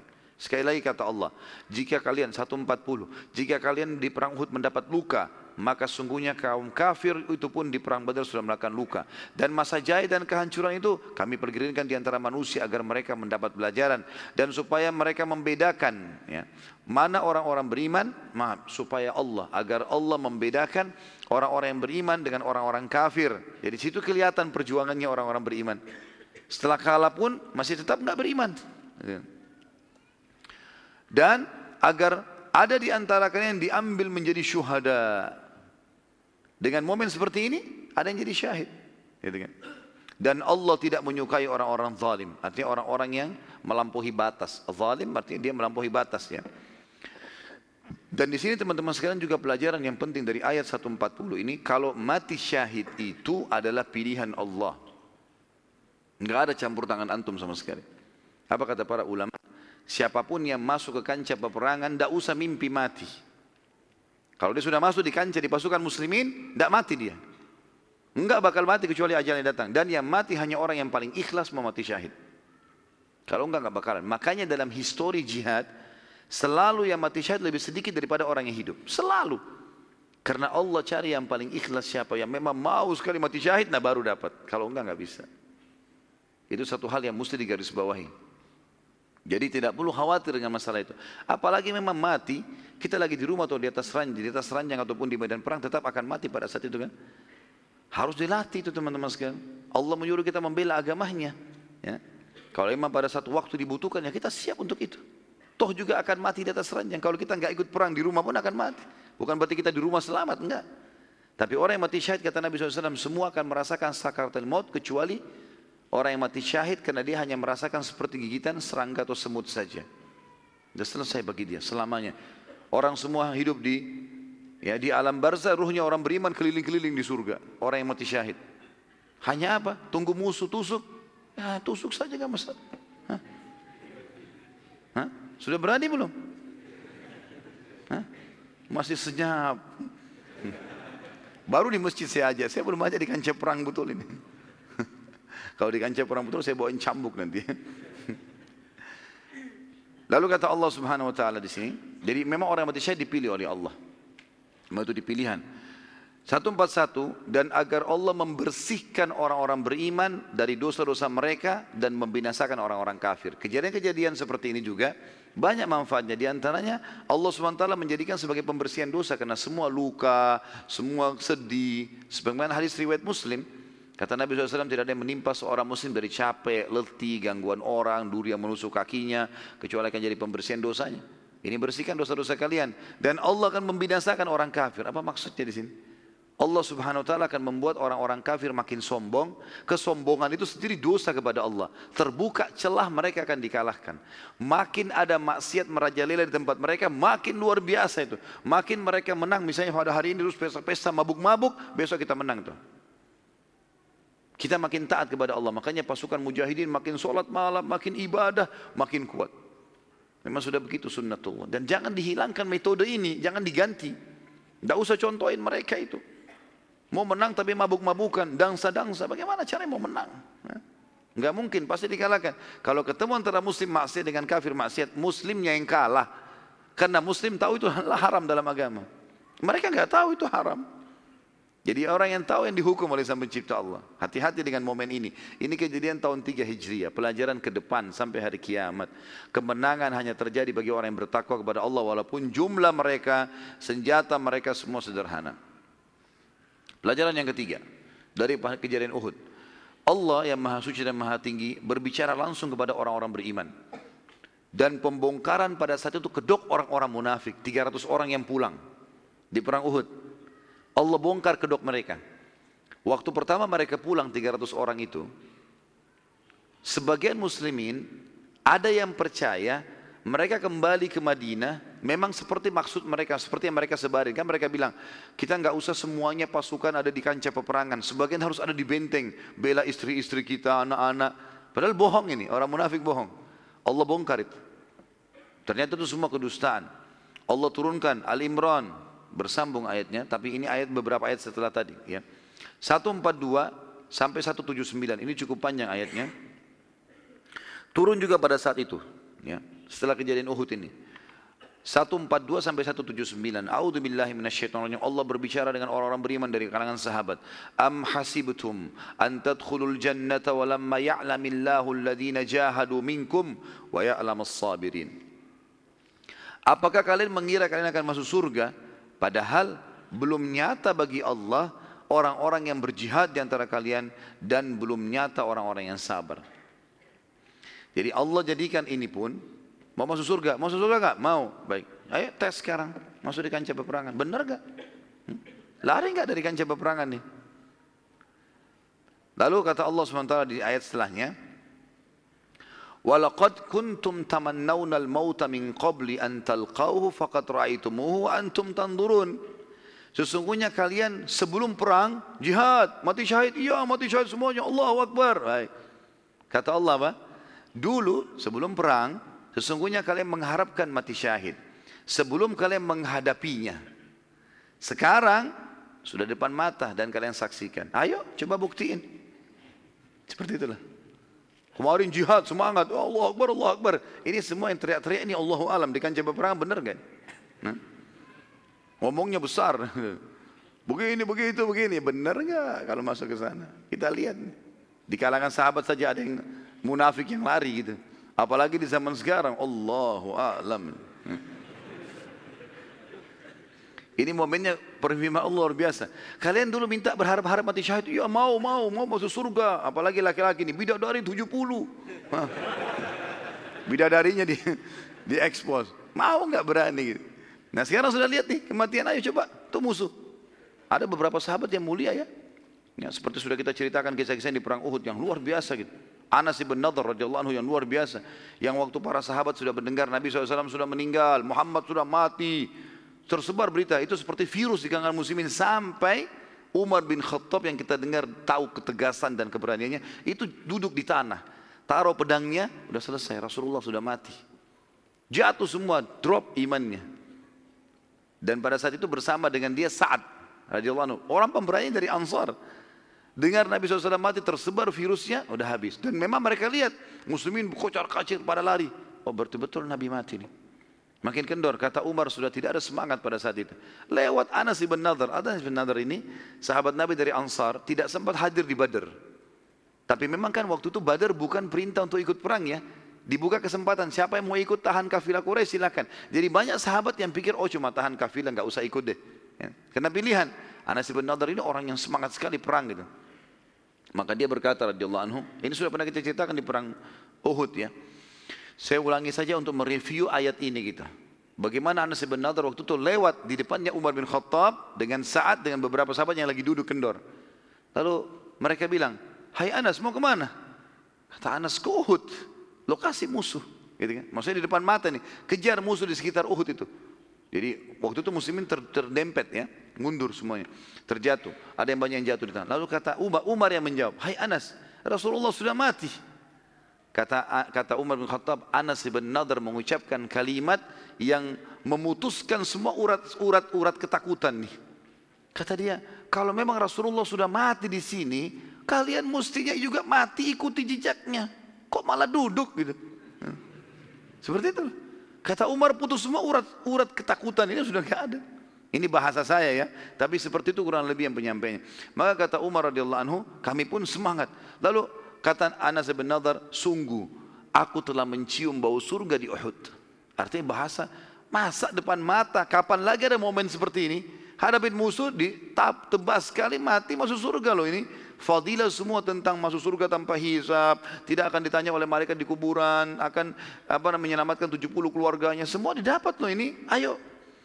Kata Umar bin Khattab, tiba-tiba saya berdiri ambil pedang, saat juga mengatakan saya berdiri dekat Umar dan kami berusaha mengikuti saat menembus pasukan musuh. 2000 orang dilawan sendiri nih. Anas bin Radlan ditembus. Kata setelah selesai peperangan dicari badannya eh, Anas nggak ditemukan radhiyallahu anhu. Gak ditemukan. Mereka cuma temukan ada potongan jarinya itu rupanya eh, adiknya perempuan yang kenali. Karena ini adalah tangan kakak saya. Lalu kemudian ditemukanlah beberapa potongan badannya yang dikuburkan Rasulullah radhiyallahu anhu. Kata saat ya Rasulullah, saat ini orang pemberani dari Ansar. Betul-betul kami tidak bisa mengikuti Anas bin Nadar. Gak bisa. Karena memang dia bilang, Ya Rasulullah waktu dia tidak jadi hadir Badar. Sesungguhnya momen pertama peperangan anda dengan orang kafir Quraisy tidak saya hadiri. Demi Allah kalau mulai hari ini ada perang lagi dengan Quraisy, Allah saya akan perlihatkan kepada Allah apa yang akan saya lakukan. Maka dia penuhi itu, dia akan mati sampai terbunuh, dibunuh oleh 2000 orang, bayangkan luar biasa. Tapi seperti itulah. Allah bilang, sebelum perang, kamu kan selalu mengatakan syahid-syahid. Nah ayo, sekarang depan mata buktiin. Ada di antara sahabat yang buktiin, ada di antara mereka yang tidak. Allah mengatakan itu. Selanjutnya, satu empat empatnya. Wa ma Muhammadun illa rasulun qad khalat min qablihi rusul. Afa imma ta'au qutilan qalabtum ala aqabikum. Wa man yanqalib ala aqibai falan yadurrallaha syai'a. Wa sayajillahu syakirin. Muhammad itu tidak lain hanyalah seorang rasul. Kalau ada orang yang teriak di kancah peperangan mati sudah mati, enggak usah peduli dengan perkataan itu. Karena Muhammad sallallahu alaihi wasallam Allah mengatakan seorang utusanku saja dan sungguh telah berlalu banyak rasul sebelumnya. Apabila, apakah kalau dia wafat atau terbunuh di medan perang kalian murtad? Jadi gara-gara matinya terus kalian tidak mau menganjutkan agama Allah? Gitu kan? Tanda tanya, barang siapa yang berbalik ke belakang, murtad setelah itu, maka ia tidak akan mendapatkan, maka ia tidak dapat memberikan mudarat kepada Allah sering tidak tidak ada urusannya sama Allah, nggak ada ruginya Allah. Kalau dia murtad dan Allah akan memberi balasan kepada orang-orang yang bersyukur. Di sini teman-teman sekalian, kita tahu bahwasanya Nabi Muhammad SAW adalah manusia biasa yang diangkat dituliskan oleh para ulama tafsir tentang kalimat ini. Makna ayat ini adalah Nabi Muhammad SAW adalah seorang manusia yang diangkat oleh Allah sebagai Rasul. Rasul-Rasul sebelumnya juga telah wafat. Jadi jangan heran kalau Rasulullah SAW wafat. Ada yang wafat karena terbunuh. Gitu kan? Di antara Nabi-Nabi ada yang dibunuh oleh kaumnya. Bani Israel terkenal suka bunuh Nabi yang tidak cocok sama mereka. Dan tidak pernah di Bani Israel di zaman itu Nabi mati terus tidak ada nabi lagi, langsung nabi ditunjuk lagi. Kadang-kadang di masa yang sama nabinya keluar bersamaan. Ada di antara mereka yang terbunuh, ada juga di antara mereka yang sakit biasa, dan ada yang mati biasa. Karena itu Nabi Muhammad SAW juga akan wafat seperti hanya Rasul-Rasul yang terdahulu. Di waktu berkecamuknya perang Uhud, tersiar berita bahwasanya Nabi SAW mati terbunuh. Ini kata ulama tafsir ya, saya bacakan. Berita itu mengacaukan kaum muslimin sehingga ada yang bermaksud meminta perlindungan kepada Abu Sufyan Rupanya ada beberapa, ini tidak semua orang tahu, tapi Allah bongkar. Di tengah-tengah pasukan umat Islam waktu dengar Nabi SAW mati, mereka kembali mau gabung sama pasukan Abu Sufyan. Entah siapa orang-orang ini, tapi Allah sebutkan ada di pasukan muslimin yang begitu. Kata Allah, ya disebutkan dalam tafsirnya dan dalam riwayat yang sahih, riwayat Bukhari ini, Sementara pada saat itu ada di antara pasukan muslimin yang niat mau bergabung minta perlindungan sama Abu Sufyan. Sementara itu orang-orang munafik mengatakan bahwa kalau Nabi Muhammad itu seorang nabi, tentulah dia tidak akan mati terbunuh. Orang-orang munafik menyebarkan kesempatan pada saat orang bilang Muhammad mati, Muhammad mati, sallallahu alaihi wasallam, maka orang-orang munafik mengatakan kalau nabi nggak mungkin matilah. Artinya bukan niatnya untuk membela nabi, bukan. Artinya kalian salah untuk pilih dia sebagai nabi. Buktinya mati, gitu. Ya. Maka Allah menurunkan ayat ini untuk menenteramkan hati kaum mukminin dan membantah kata-kata orang munafik itu. Sebagaimana dalam Sahih Bukhari disebutkan dalam bab jihad ini. Abu Bakar radhiyallahu anhu juga mengemukakan ayat ini di mana terjadi pula ke, ke, pada saat terjadi kegilas, kegelisahan di kalangan para sahabat di hari wafatnya Nabi SAW. Jadi pada saat para sahabat lagi gelisah dengan wafatnya Nabi SAW di dalam riwayat Bukhari juga disebutkan dalam bab ketakwaan sahabat. Orang-orang pada bingung waktu Nabi SAW mati. Sampai Umar bin Khattab pun tidak mau tidak bisa menerima kejadian itu. Maka Abu Bakar membacakan ayat ini di depan para sahabat. Yang akhirnya membuat Umar pun mengatakan ayat ini seperti baru turun sekarang. Walaupun saya sudah hafal dari dulu gitu. Karena tidak tahu. Kan tadi bunyinya begitu ya. Sesungguhnya Muhammad adalah utusan, salah satu utusan Rasul, utusan Allah. Dan sebagaimana telah, berlalu Rasul-Rasul sebelumnya, apakah kalau dia mati atau dia mur, dia terbunuh di dalam dalam medan perang, kalian murtad? Siapa yang murtad dari agamanya setelah penyampaian kebenaran sampai padanya ini, Islam dia sudah tahu, maka tidak akan memberikan mudarat kepada Allah. Nanti tidak ada hubungannya sama Allah sama sekali. Dia sendiri yang rugi gitu kan. Selanjutnya 145. Wa ma kana li nafsin an tamuta illa bi idnillahi kitaban muajjala wa may wa may yurid thawab ad-dunya nu'tihi maaf wa may yurid thawab ad-dunya nu'tihi minha wa may yurid thawab al-akhirati nu'tihi minha wasanajis syakirin. Ketahuilah hai muslimin, semua yang bernyawa pasti mati ya, dan tidak akan mungkin mati kecuali dengan izin Allah. Sebagai ketetapan yang telah ditentukan waktunya, barang siapa yang menghendaki pahala dunia, yang mau maksudnya bukan pahala, siapa yang ingin kehidupan dunia, maka kami akan berikan pahala dunia itu. Kami akan berikan kalau mereka cuma mau dunia, mau kaya-kaya, mau bangga-banggaan sama orang, silahkan. Nikmati saja. Sampai di mana sih? Gitu. Siapa yang ingin pahala akhirat, balasan di akhirat, maka kami akan memberi balasan kepada orang-orang yang bersyukur. 146-nya, وكأي من نبي قاتل معه ربيون كثير وما وهنوا فما وهنوا لما أصابهم في سبيل الله وما ضعفوا وما استكانوا. والله يحب الصابرين. Saya ulangi ayatnya. وكأي من نبي قاتل معه ربيون كثير فما وهنوا فما وهنوا لما أصابهم في سبيل الله وما ضعفوا وما استكانوا. والله يحب الصابرين. Dan berapa banyak nabi-nabi yang telah berperang bersamanya orang-orang sejumlah ya atau uh, telah berperang bersama-sama mereka sejumlah besar dari pengikutnya yang bertakwa. Mereka tidak menjadi lemah karena bencana yang menimpa mereka di jalan Allah, tidak lesu dan tidak pula menyerah kepada musuh. Allah menyukai orang-orang yang sabar. 147-nya wa ma kana qaulahum illa an qalu rabbana ighfir lana dhunubana wa israfana fi amrina wa thabbit aqdamana wansurna 'alal qaumil kafirin dan selalu doa-doa orang-orang yang beriman dalam kondisi mereka genting atau mereka nikmat terutama dalam keadaan masalah. Kayak tadi di Uhud itu mestinya kalian ucapkan kalimat-kalimat ini. Ya Allah ya Tuhan kami, ampunilah dosa-dosa kami dan tindakan-tindakan kami yang berlebihan dalam urusan kami. Dan tetapkanlah pendirian kami dan tolonglah kami terhadap orang-orang kafir. Kalau itu terjadi, maka kata Allah SWT dalam 148-nya, fa'atahumullahu thawabad dunya wa husna thawabil akhirah wallahu yuhibbul muhsinin. Kalau kalian mengakui kesalahan kalian, lalu kemudian tetap perjuangkan agama Allah, karena itu Allah akan memberikan mereka pahala di dunia, maksudnya kebahagiaan di dunia. Kemenangan-kemenangan, memperoleh harta rampasan, pujian, segala macam akan didapatkan. Dan pahala yang baik di akhirat. Artinya mereka akan masuk surga dan Allah menyukai orang-orang yang berbuat kebaikan. 149. Ya ayuhalladzina amanu in tuti'ul ladzina kafaru yaruddukum ala aqabikum fatanqalibu khasirin. Ini ayat turun secara bersamaan ya. Dan turun di momen itu. Ya. Kata Allah SWT, hai orang-orang beriman, jika kamu mentaati orang-orang kafir, niscaya mereka mengembalikanmu ke belakang kepada kekafiran. Lalu jadilah kamu orang-orang yang rugi. Kalau ada orang-orang kafir, jadikan sebagai pemimpin, ditaati, diapalah segala macam, diikuti cara-caranya, maka itu akan mengajak kalian pada kekafiran. Dan itu akan membuat kalian rugi, meninggal rugi. Ya, apa sih yang mau dikejar? Mobil, jabatan, harta, habis itu habis, tidak ada yang dibawa. Rugi itu sebenarnya gitu. Toh juga akan makan, toh juga akan tinggal, walaupun cuma berbeda casingnya, rumahnya itu lebih baik, mobil itu lebih baik. Ya. Kemudian selanjutnya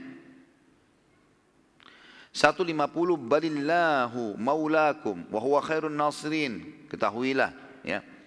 Allah itu sebaik-baik pelindung kalian dan dia sebaik-baik penolong. 151 sanulki fi qulubil ladina kafaru ru'ba bima asyraku billahi ma lam yunazzil bihi sultana wa ma'wahumun nar wa bi'sa mathwal zalimin Pasti kami akan masukkan ke dalam hati orang-orang kafir rasa takut disebabkan mereka mempersekutukan Allah dengan sesuatu yang Allah sendiri tidak menurunkan keterangan tentang itu. Tempat kembali mereka neraka dan itulah seburuk-buruk tempat tinggal orang-orang zalim. Teman-teman sekalian kalau terjadi jihad yang benar, memang betul-betul muslimin dari fatwa para ulama benar-benar disepakati bukan syubhat terjadi, maka itu pasti kemenangan. Pasti diberikan kemenangan. Dan kemenangan ini teman-teman sekalian karena orang-orang kafir itu berbuat dosa, musyrik kepada Allah. Lalu kata Allah SWT dalam ayat selanjutnya 152 ولقد صدقكم الله وعده إذ تحسونه بإذنه. حتى إذا فشلتم وتنازعتم في الأمر وعصيتم من بعد ما أراكم ما تحبون منكم من يريد الدنيا ومنكم من يريد الآخرة. ثم صرفكم عنهم ليبتليكم ولقد عفا عنكم والله ذو فضل على المؤمنين. Sesungguhnya Allah telah memenuhi janji-janjinya kepada kalian. Ketika kalian membunuh dan memerangi mereka dengan izinnya maksudnya orang-orang kafir sampai pada saat kalian lemah dan berselisih dalam masalah itu. Sampai kalian sudah mulai meninggalkan bukit remah bukit pemanah tadi berselisih pimpinan mereka bilang jangan. Abdullah bin Jubair lalu yang lainnya mengatakan tidak apa-apa. Berselisih. Sampai kalian itu terjadi dan mendurhakai perintah Rasul. Sesudah Allah memperlihatkan kepada kalian yang kalian sukai sudah menang. Orang-orang kafir sudah lari. Tinggal tunggu sebentar Gitu kan?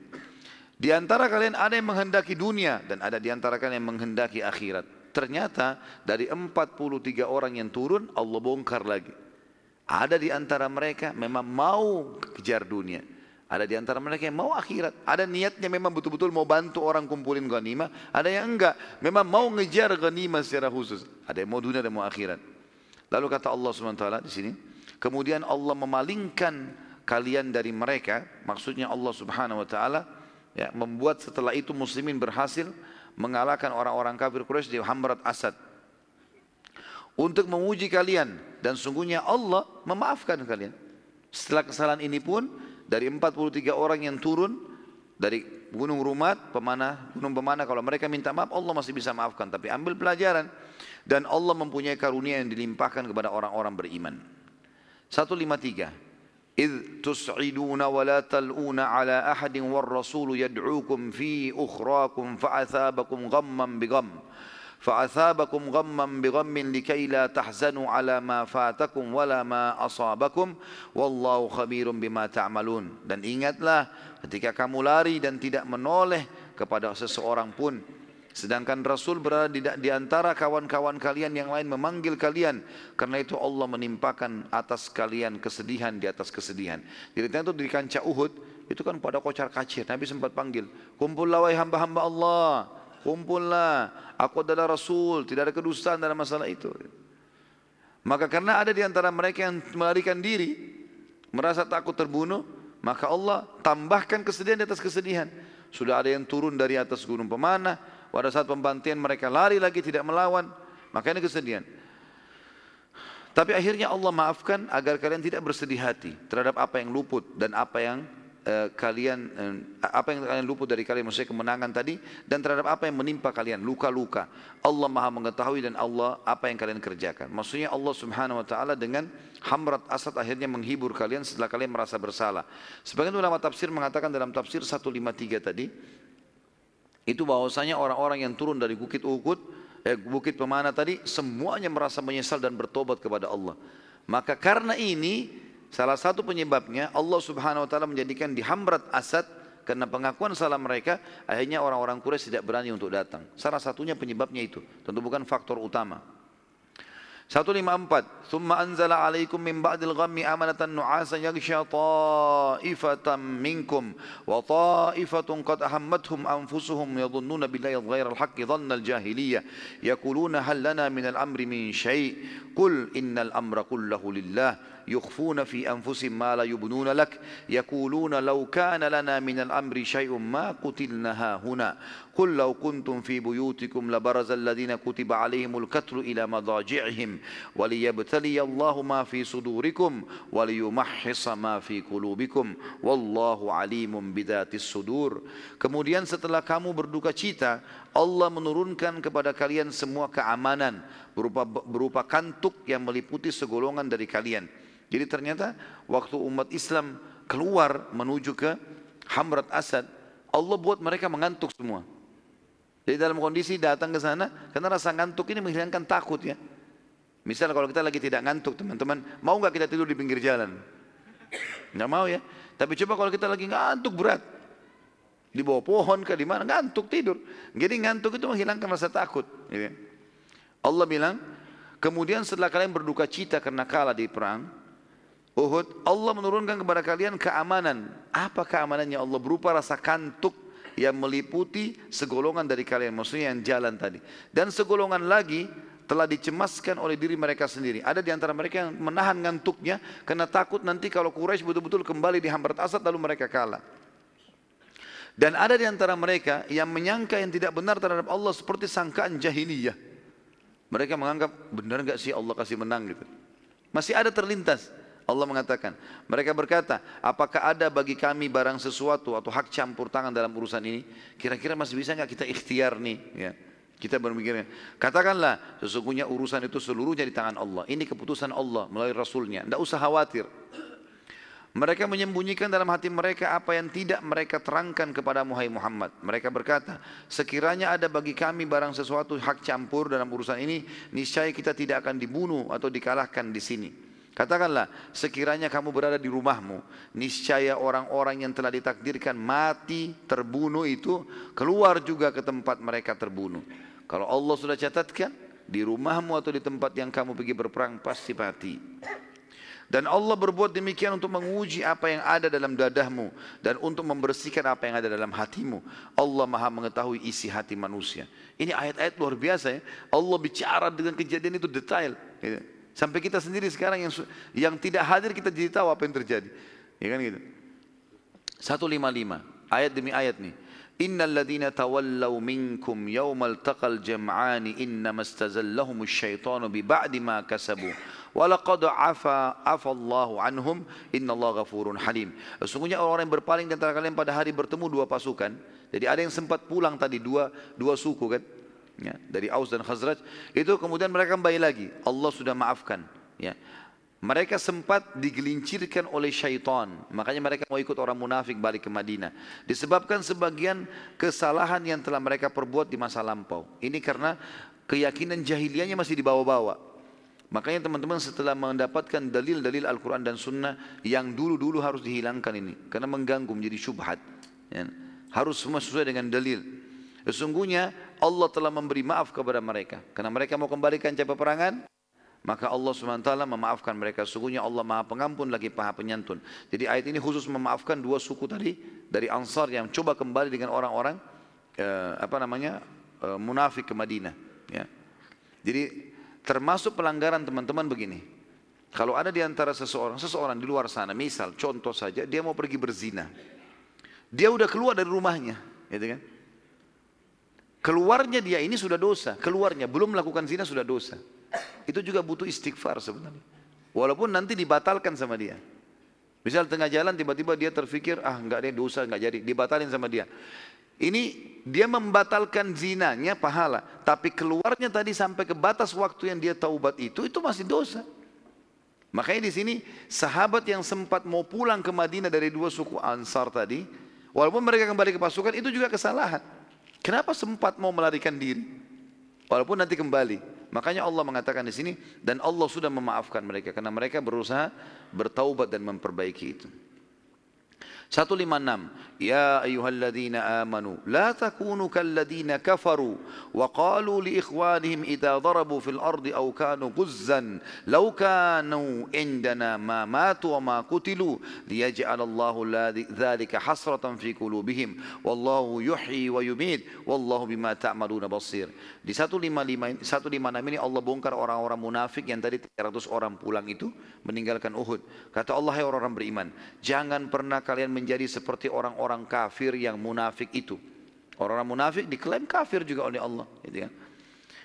Yang mengatakan kepada saudara-saudara mereka, maksudnya sama-sama penduduk Madinah, apabila mereka mengadakan perjalanan di muka bumi atau mereka berperang, maksudnya ikut berperang dengan Nabi SAW atau keluar perintah Nabi.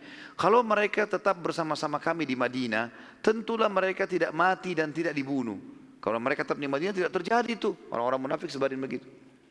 Ya sama umat Islam, kalau kalian tidak ikut-ikutan, kalian tidak buat begini, maka tidak akan terjadi begini. Dusta semua. Jangan dipercaya orang munafik. Allah sudah bongkarin.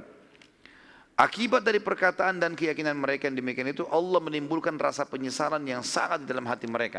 Jadi pada saat muslimin pulang dari Hamrat Asad, kembali semangatnya mereka semua, dan mulai semenjak itu mereka lebih semangat lagi berperang ternyata, ternyata pasukan 2000 orang tidak berani menemui mereka di Hamrat Asad orang-orang munafik jadi menyesal pada saat itu Allah menghidupkan dan Allah lah yang menghidupkan dan mematikan dan Allah melihat apa yang sedang kamu kerjakan.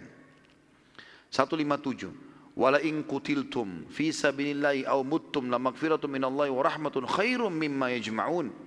Ketahuilah, kalau sampai kalian terbunuh pun di kekalahan peperangan, kalaupun kalah dan kalian terbunuh di jalan Allah atau meninggal karena luka yang terkena setelah perang itu, tentu ampunan Allah dan rahmat yang datang kepada kalian karena kematian dan luka itu lebih baik daripada harta rampasan yang dikumpulkan oleh orang-orang kafir. Ayat 158 Wala immuttum au kutiltum la ilallahi tuhsyarun. Sungguh jika kalian meninggal ataupun kalian gugur Tentulah tetap kepada Allah kalian akan dikembalikan nanti. 159 Fabima rahmatin minallahi linta lahum Walau kunta fadlan Ghalidhal qalbi lam fadlu min hawlik Fa'fu anhum wastaghfir lahum washawirhum fil amr. Fa idza azamta fatawakkal ala Allah. Inna Allah yuhibbul mutawakkilin.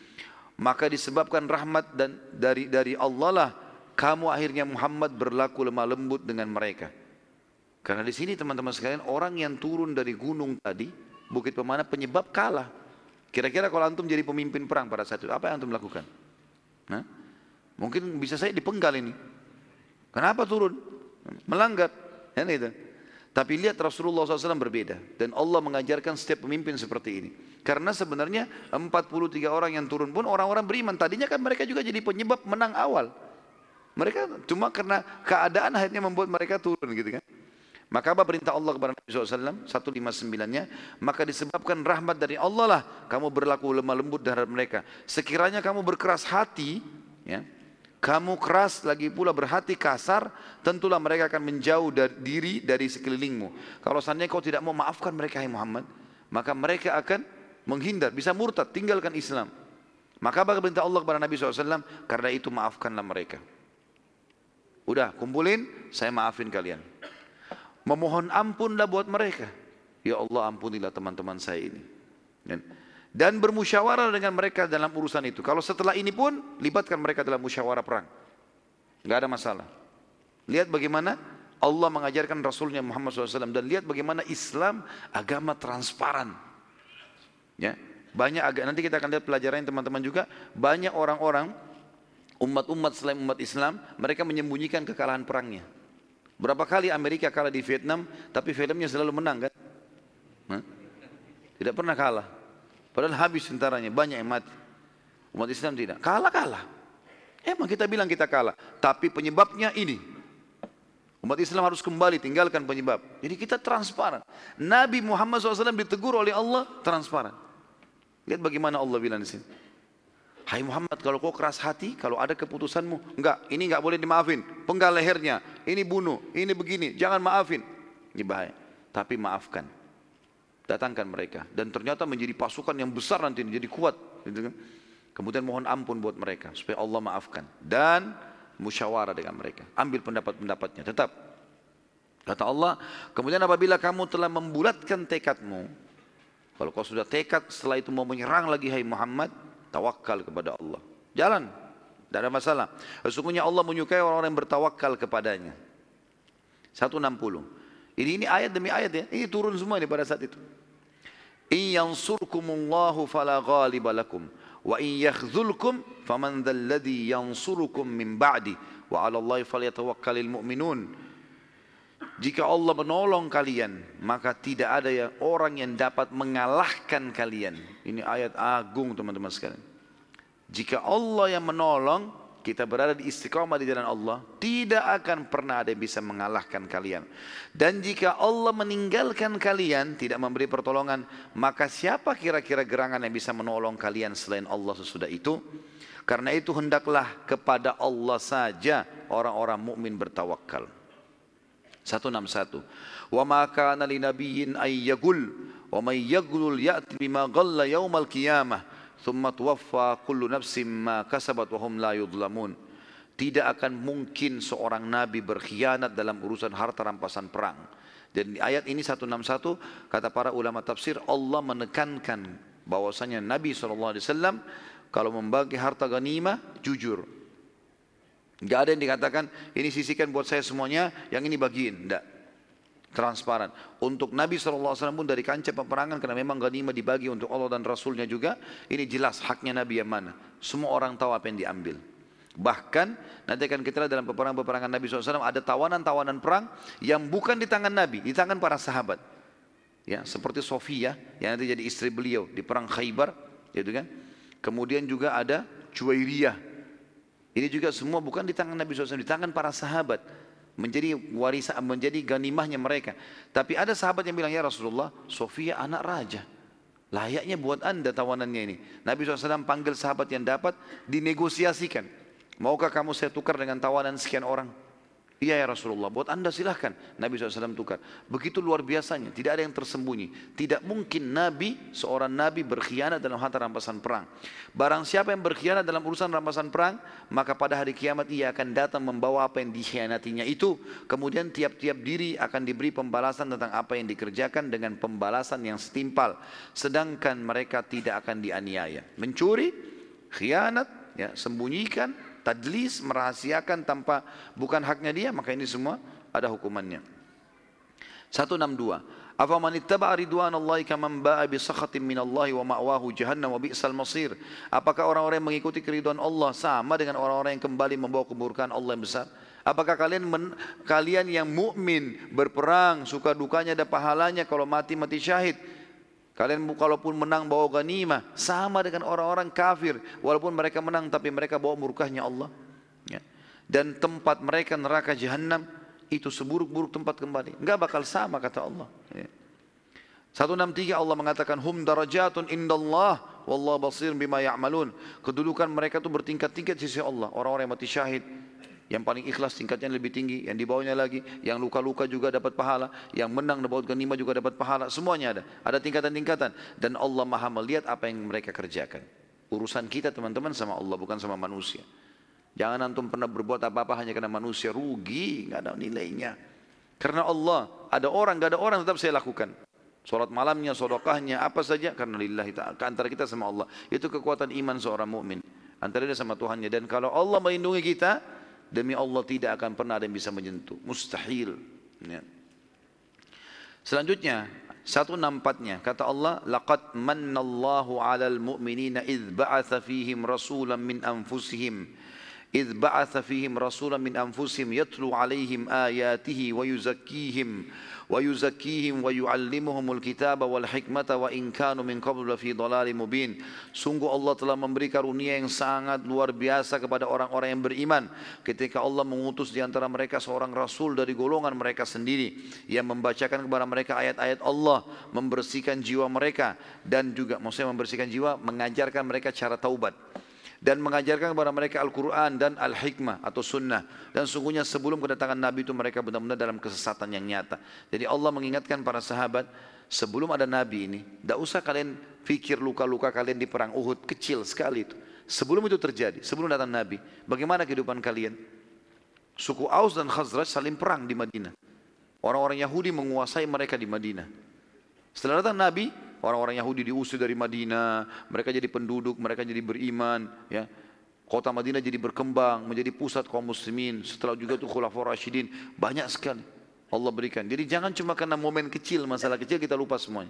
Sama kasus itu teman-teman ya. Jangan karena satu doa kita belum diijabah sama Allah, kita tinggalin semua ibadah. Ini kebodohan ini. Dia minta sama Allah satu, Allah belum kasih, lalu kemudian ditinggalkan semua ibadah.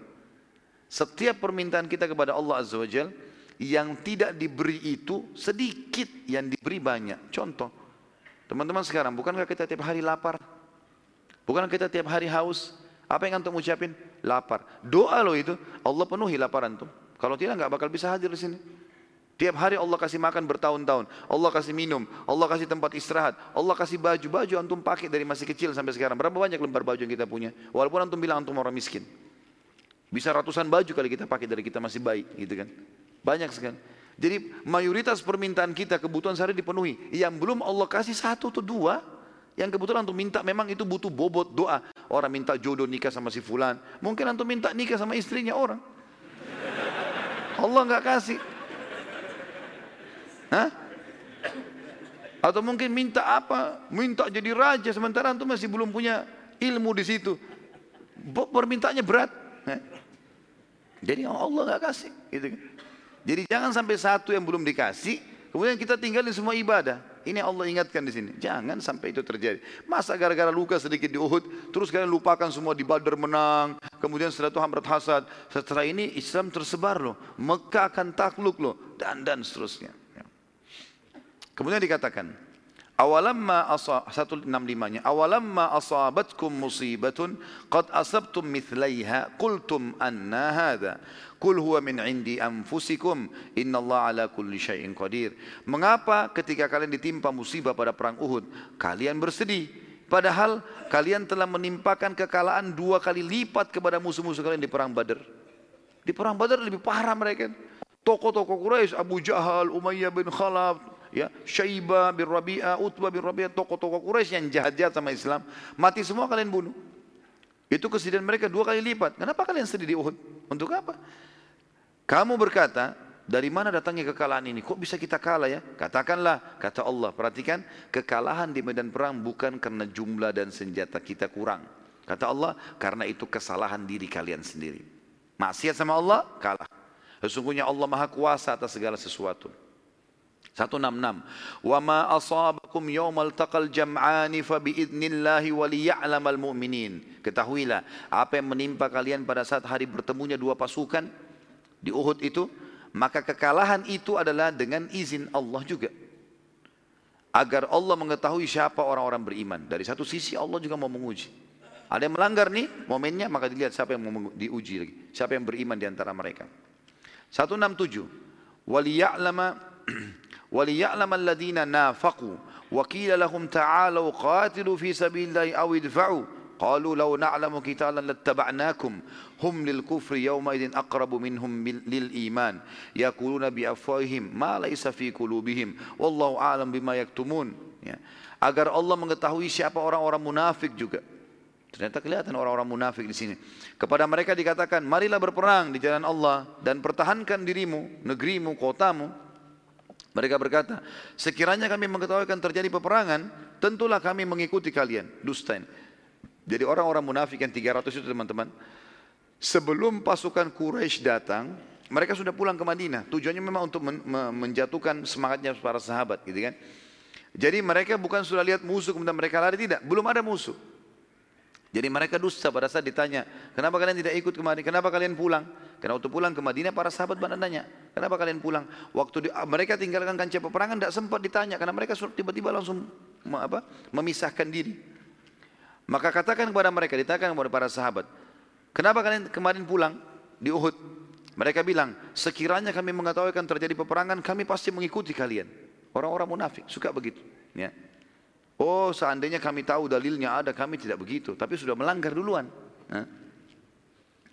Mereka pada hari itu lebih dekat kepada kekafiran daripada keimanan. Mereka mengatakan dengan mulutnya apa yang tidak terkandung dalam hatinya.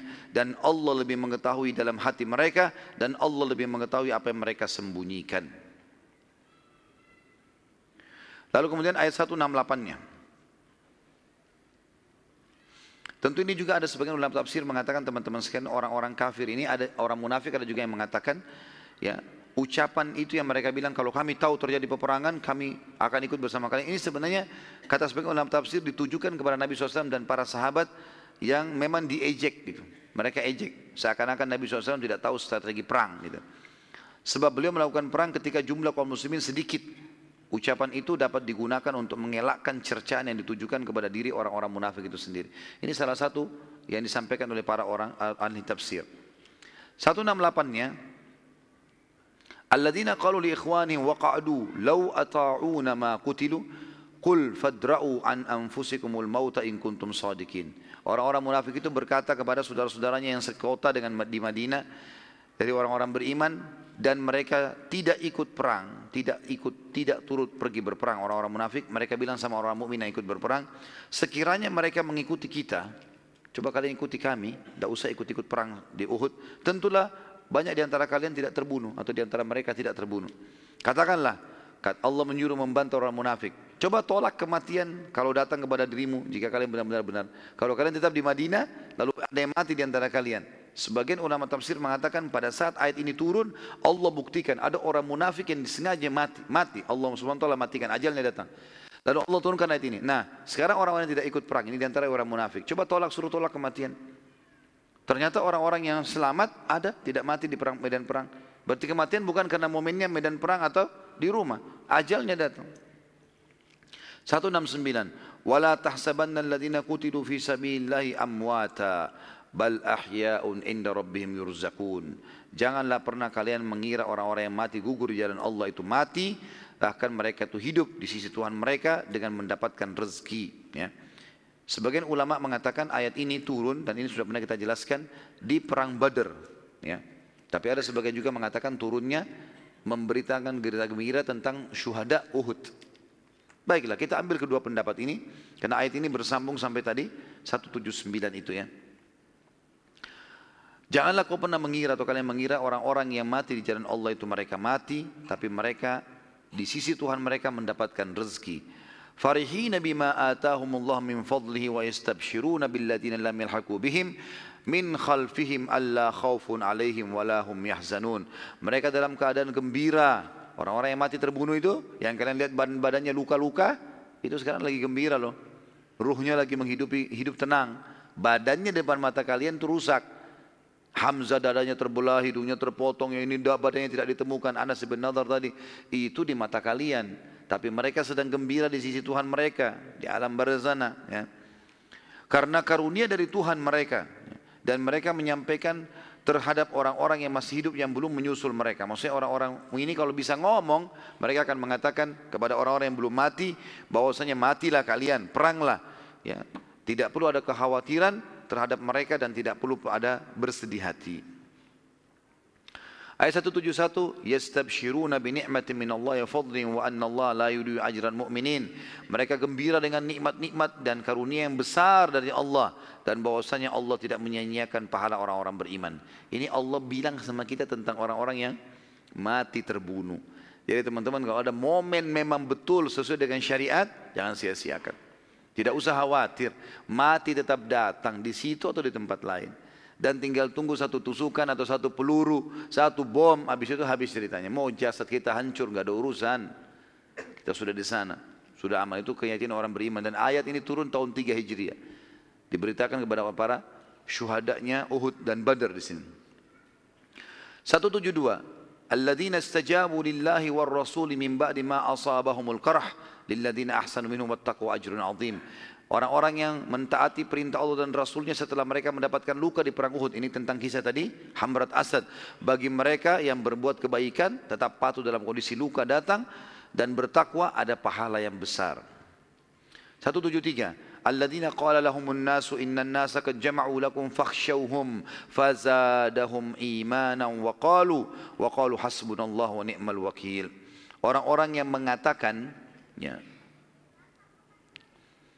Orang-orang yang telah orang-orang yang mentaati Allah dan Rasul yang kepada mereka ada orang-orang yang mengatakan tadi ya ada utusan dari Quraisy yang pergi mengatakan tadi ya dari Khuza'ah ya bahwasanya kalian akan dikerang oleh Quraisy Quraisy akan kembali tambahan pasukan banyak. Apa jawaban dari pasukan muslimin? Ya Sesungguhnya, ya dikatakan sini, yaitu orang-orang yang mentaati oleh Rasulnya dan kepada mereka dikatakan, sesungguhnya manusia telah mengumpulkan pasukan untuk menyerang kalian. Karena itu takutlah kepada mereka. Maksudnya utusan Quraisy berkata itu. Maka perkataan itu menambah keimanan mereka dan mereka serentak berkata. 630 orang sahabat bersama Nabi SAW mengatakan, Hasbunallah wa ni'mal wakil. Cukuplah Allah menjadi penolong kami dan dan Allah adalah sebaik-baik pelindung. 174 fanqalabu bi ni'matin minallahi wa fadl. Fanqalabu bi ni'matin minallahi wa fadlin lam yamsashum su'un wattaba'u ridwanallah. Wallahu dhu fadlin azim. Dan mereka kembali dengan nikmat dan karunia yang besar dari Allah. Waktu perang perang Hamrat Asad mereka kembali setelah tiga hari mereka jadi merasa lebih sehat mereka lebih gembira mereka lebih semangat. Mereka tidak mendapatkan bencana apa pun. Dan mereka mengikuti keridhaan Allah dan Allah mempunyai karunia yang besar Kata sebagian ulama tafsir, ayat 172 sampai 174 membicarakan tentang peristiwa perang Badr Sugra. Nanti akan kita bahas masalah perang Badr Sugra. Tapi ini sebagian pendapat. Ada nanti namanya perang Badr ya. Jadi terjadi perang Badr yang kedua, tapi um, umat Islam menang karena Quraisy tidak berani datang ke sana. Tapi nanti ada bahasanya sendiri. Ada sebagian ulama tafsir mengatakan 172 sampai 174 perang turunnya di perang Badar Sukra. Nanti kita akan bahas masalah itu. Karena pada saat itu Abu Sufyan menantang muslimin kembali untuk berperang di Badar. Dan Nabi SAW dan para sahabat bersedia. Kemudian mereka pun bertemu, eh, Nabi SAW menuju ke Badar di tahun 4, 4 Hijriah. Pada saat itu Abu Sufyan dan para pengikutnya merasa takut. Dan pada saat itu juga terjadi musim peceklik. Maka mereka mengutus Nuaim ibn Mas'ud dan kawan-kawannya ke Madinah untuk menakut-nakuti muslimin dengan berita bohong. Mereka mengatakan bahwasanya sesungguhnya orang-orang Quraisy datang dengan pasukan besar eh, dan akan menang, akan menyiksa kalian, akan membunuh kalian seperti kasus di Uhud dan dan seterusnya. Maka mereka muslimin di Madinah mengatakan hasbi Allah wa ni'mal wakil. Ini pendapat ulama yang mengatakan ayat ini juga turun kepada kisah perang Badar Sukra nanti akan kita ceritakan peperangannya. Tapi yang jelas yang kuat adalah pendapat turunnya di Hamrat Asad ini. Ya. Kemudian 175-nya innama dzalikumus syaitanu yukhawifu awliya'ahu fala takhafu ma khafuni in kuntum mu'minin. Ketahuilah hai mukminin. Ini dikatakan oleh Allah dan kita juga harus ambil pelajaran teman-teman sekalian. Itu semua informasi seperti itu, gosip-gosip bahwasanya kalian akan lemah, kalian akan kalah, kalian tidak mungkin punya kekuatan, apalah ya. Umat Islam itu banyak koruptor, alasan semua yang diucapkan Sesungguhnya semua itu tidak tidak lain hanyalah syaitan yang menakut coba menakut-nakuti kalian dengan kawan-kawannya. orang-orang kafir. Karena itu jangan takut kepada mereka dan takutlah kepadaku kata Allah kalau kalian betul-betul mengaku beriman. 176 wala yahzunka alladhina yusari'una fil kufur innahum la yadurrullaha syai'a yuridullahu alla yaj'ala lahum hazzan fil akhirah wa lahum adzabun azim janganlah kamu bersedih hati jangan kalian bersedih hati ya Jangan kalian disedihkan oleh orang-orang yang segera menjadi kafir. Ya, maksudnya orang-orang tetap bertahan pada kekafiran. Sesungguhnya, jadi yang dimaksud ini adalah penduduk Mekah pada saat itu. Jangan kalian bersedih melihat mereka. Atau jangan dibuat sedih oleh mereka dan orang-orang munafik di Madinah. Jadi dua sisi. Jangan kalian sedih karena orang kafir yang jauh dari kalian. Dan jangan kalian sedih dengan orang munafik yang di tengah-tengah kalian. Dua-duanya sama nih. Kata Allah di sini, jangan kalian hai mukminin disedihkan oleh orang-orang yang segera pada kekafiran. Kata ulama tafsir, orang-orang kafir Mekah dan orang-orang munafik yang terus merongrong orang-orang mukmin. Nah itu terjadi sampai sekarang. Orang kafir di luar kubu Islam, dalam kubu Islam orang munafik terus jor-joran kerjasama untuk menyakiti muslimin. Ini sudah terjadi 1400 tahun yang lalu ayat turun. Jangan kaget dengan momen-momen kayak sekarang di Indonesia ini. Tak usah orang kafir serang kita, orang munafik dari dalam serang kita. Udah biasa. Hadapi dengan ilmu syar'i. Belajar kita jadi tahu. Dan kita hadapi sebagaimana para sahabat hadapi. Kata Allah, sungguhnya mereka tidak sekali-kali dapat memberi mudarat kepada Allah sedikit pun. Enggak akan pernah mereka bisa lakukan apa-apa. Mustahil. Enggak usah khawatir. Allah berkehendak tidak akan memberi sesuatu bagian kepada mereka di akhirat nanti. Dan bagi mereka adab yang besar. Karena orang kafir makin jadi-jadi masalahnya, maksiatnya makin berat hukumannya. Makin sulit mendapatkan hidayah. 177 Innal ladzina ishtarau kufra bil imani lan yadurrullaha syai'an wa lahum adzabun alim. Ketahuilah orang-orang yang menukar iman dengan kekafiran, orang-orang munafik itu sekali-kali mereka tidak akan memberi mudarat kepada Allah. Enggak ada ruginya bagi Allah. Dan bagi mereka adab yang pedih, Allah sudah siapkan siksaan. Tinggal tunggu mati atau tinggal tunggu nanti ada momen yang Allah jadikan sebagai penyebab mereka mati. 178 wala yahsabanna alladhina kafaru annama numli lahum khairan li anfusihim. Innama numli lahum liyazdadu ithma walahum adzabun muhin. Dan jangan sekali-kali orang-orang kafir menyangka bahwasanya pemberian tangguh kami kepada mereka maksudnya Allah masih berikan umur pulang dari peperangan masih bisa menang.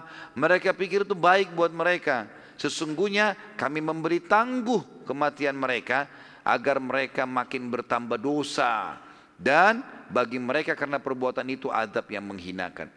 Jadi bukan kemenangan orang kafir pada saat dia pulang atau dia menang, betul itu baik buat dia. Tidak, itu malah azab buat mereka. Namanya tadarruj, tahapan yang lebih berbahaya buat mereka. Karena orang zina sekali beda dengan orang zina sepuluh kali. Orang buat jahat satu tahun beda dengan orang sepuluh tahun. Jadi beda. Jadi kalau ada orang kafir masih berhasil ya, melakukan sesuatu dengan umat Islam sebenarnya keburukan buat mereka itu. Makin berat bagi mereka nanti hukumannya gitu. 179-nya maka Allahu liyadhara al-mu'minina ala ma antum alaihi hatta yamidal khabitha minat tayyib wa ma kana Allah liyutli'akum 'alal ghaibi walakinna Allah yajtabi min rusulihi man yasha fa aminu billahi wa rusulihi wa in tu'minu Allah sekali-kali tidak akan pernah membiarkan orang-orang yang beriman dalam keadaan seperti kalian sekarang. Allah nggak mungkin membiarkan kalian kalah terus menerus enggak. Terjadi karena ada kesalahan dosa. Tapi Allah turunkan ilmu caranya taubat. Setelahnya pasti menang. Allah enggak akan biarkan begitu. Bukan berarti kita buat salah sekali lalu Allah buat umat Islam semuanya binasa enggak. Kesalahan itu kalau diperbaiki selesai. Kita pernah buat zina, kita pernah buat bohong, kita pernah buat ini, terus taubat, udah kesalahan itu sudah selesai urusannya. Sekarang ke depannya Allah berikan pengampunan. Sehingga dia Allah menyisihkan yang buruk di sini sebagian orang tafsir mengatakan orang-orang munafik dari orang-orang yang baik atau mukmin. Dan Allah sekali-kali tidak akan memperlihatkan kepada kalian hal-hal yang gaib. Allah tidak perlu membongkar kepada kalian sampai kalian mati apa saja yang terjadi. Akan tetapi Allah memilih siapa yang dikehendakinya di antara rasul-rasulnya.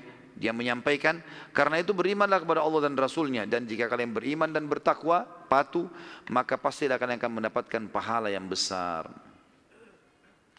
Di sini teman-teman sekalian, yang kita harus ketahui bahwasanya kesalahan-kesalahan tadi kalau terjadi, kalau kita secara berkelompok seperti dalam peperangan, efeknya kelompok. Hati-hati di sini.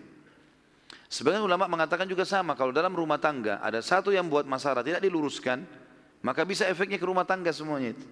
Satu perusahaan begitu, satu komplek begitu, satu komunitas begitu. Maka ini ini bisa menjadi penghambat seperti seperti kotoran yang ada di saringan air. Ya, harus dikeluarkan supaya airnya lancar. Makanya harus semuanya baik. Seperti itulah. Kalau makin baik maka makin bagus. Ini perlu digarisbawahi teman-teman sekalian. Dan pada saat terjadi perbaikan-perbaikan ini kemudian ada yang terpecat ada yang sengaja ngundurin diri dari peperangan kah, dari yayasan kah, dari lembaga kah. Kita niatnya mau terapkan hukum Allah di situ, kemudian mereka keluar, justru Allah mau membersihkan mereka dari kalian. Itu maknanya tadi. Jadi waktu saat 300 pasukan munafik keluar dari pasukan muslimin, itu Allah sengaja, biarin mereka keluar. Justru bagus. Kalau mereka dari pasukan malah lebih bahaya. Biarin mereka itu yang busuk-busuk itu dikeluarin sama Allah. Tinggal orang-orang ini. Dan ini banyak sekali dalil berhubungan dengan masalah ini. Seperti misalnya masalah Dajjal. Yang kata Nabi SAW kalau Dajjal datang ke Madinah kemudian dia akan menyentakkan kakinya sehingga terjadi gempa di Madinah dan keluarlah semua orang munafik dan tertinggal orang beriman saja di kota Madinah. Memang Allah bersih, bersihkan.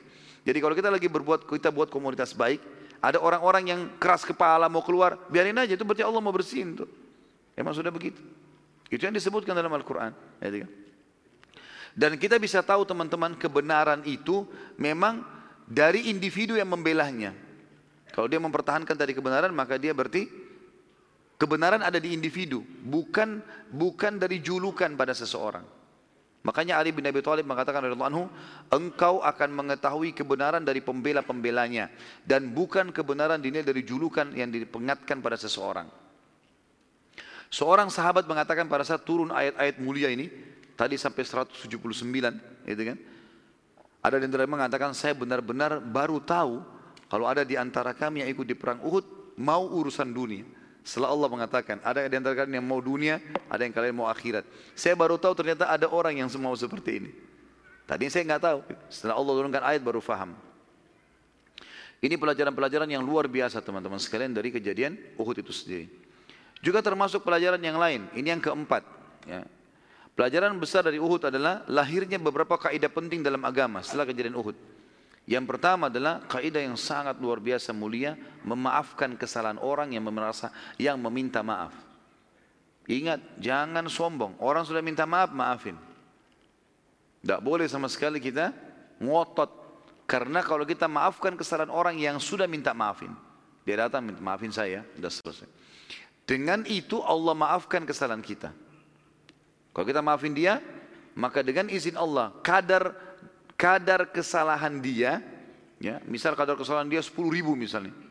Misal ini contoh saja supaya mudah difahami. Maka dengan kita memaafkan dia, kita dimaafin juga 10 ribu. Gitu.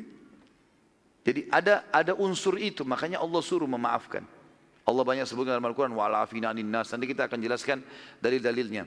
Kata ulama, di antara pelajaran yang diambil dari Uhud adalah yang keempat selain tadi semua yang kita sebutkan tiga poin dengan panjang lebar dalilnya, lahirnya kaidah penting. Di antara kaidah ini kita akan sebutkan satu persatu. Yang pertama adalah memaafkan. Dan Allah sebutkan dalam surah Al-Imran surah nomor 3 ayat 134 dalilnya A'udzu billahi minasyaitonir rajim alladzina yunfikuna fis sarra'i wad dharra'i wal qadhimina al ghaidha wal 'afina 'anil nas wallahu yuhibbul muhsinin. Salah satu cirinya orang-orang yang beriman adalah mereka suka menafkahkan hartanya di jalan Allah baik di waktu lapang maupun sempit. Biarpun dia susah atau dia sudah kaya, ya, semua di sedekah dia selalu sedekah, ya. Dan ingat teman-teman sekalian, perusahaan yang paling menguntungkan, ya, bukan perusahaan yang besar punya nama, punya administrasi. Antum mau perusahaan yang paling menguntungkan, luar biasa untungnya. Tidak perlu tidak perlu ada security-nya, tidak perlu ada apa-apa. Mau nggak tahu? Hah? Nggak ada yang mau tahu. Mau dicambuk ini kalau tidak mau tahu. Rumah-rumahnya orang miskin tuh.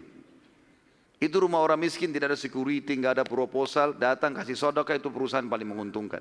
Kasih itu langit turun, dari langit turun. Ini perusahaan paling menguntungkan. Tiap hari cari rumah orang miskin, kasih mereka investasi. Itu dari langit turun semua rezekinya.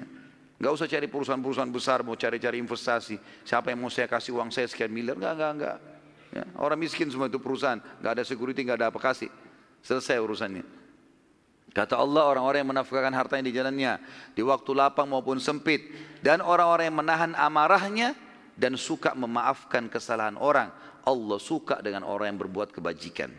Dalam surah An-Nur, surah nomor 24 ayat 22 juga Allah berfirman, A'udzu billahi "Wa la ya'tali ulil fadl wa la ya'tali ulul fadli minkum was-sa'ah wasa'ati ay yu'tu ulil qurba wal masakin wal muhajirin fi sabilillah wal ya'fu wal yasfahu ala tuhibbuna yakfirallahu lakum wallahu Sebelum saya baca terjemahan ini teman-teman sekalian, saya ingatkan kembali nanti akan ada kita sampaikan kisahnya ya.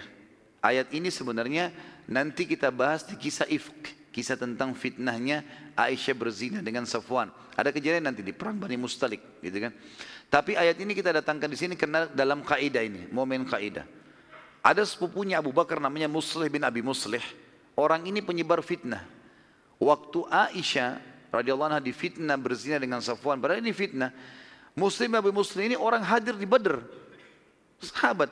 Tapi dia terpengaruh dengan gosip itu dia juga sebarin. Padahal dia orang miskin yang Abu Bakar biayai hidupnya. Waktu terbongkar ternyata itu fitnah. Dan Muslim Abu Muslim dicambuk 80 derah karena berdosa. Dan dia bertobat kepada Allah. Abu Bakar bilang, mulai sekarang saya nggak mau bantu kamu. Bantuan bulanan sudah nggak ada.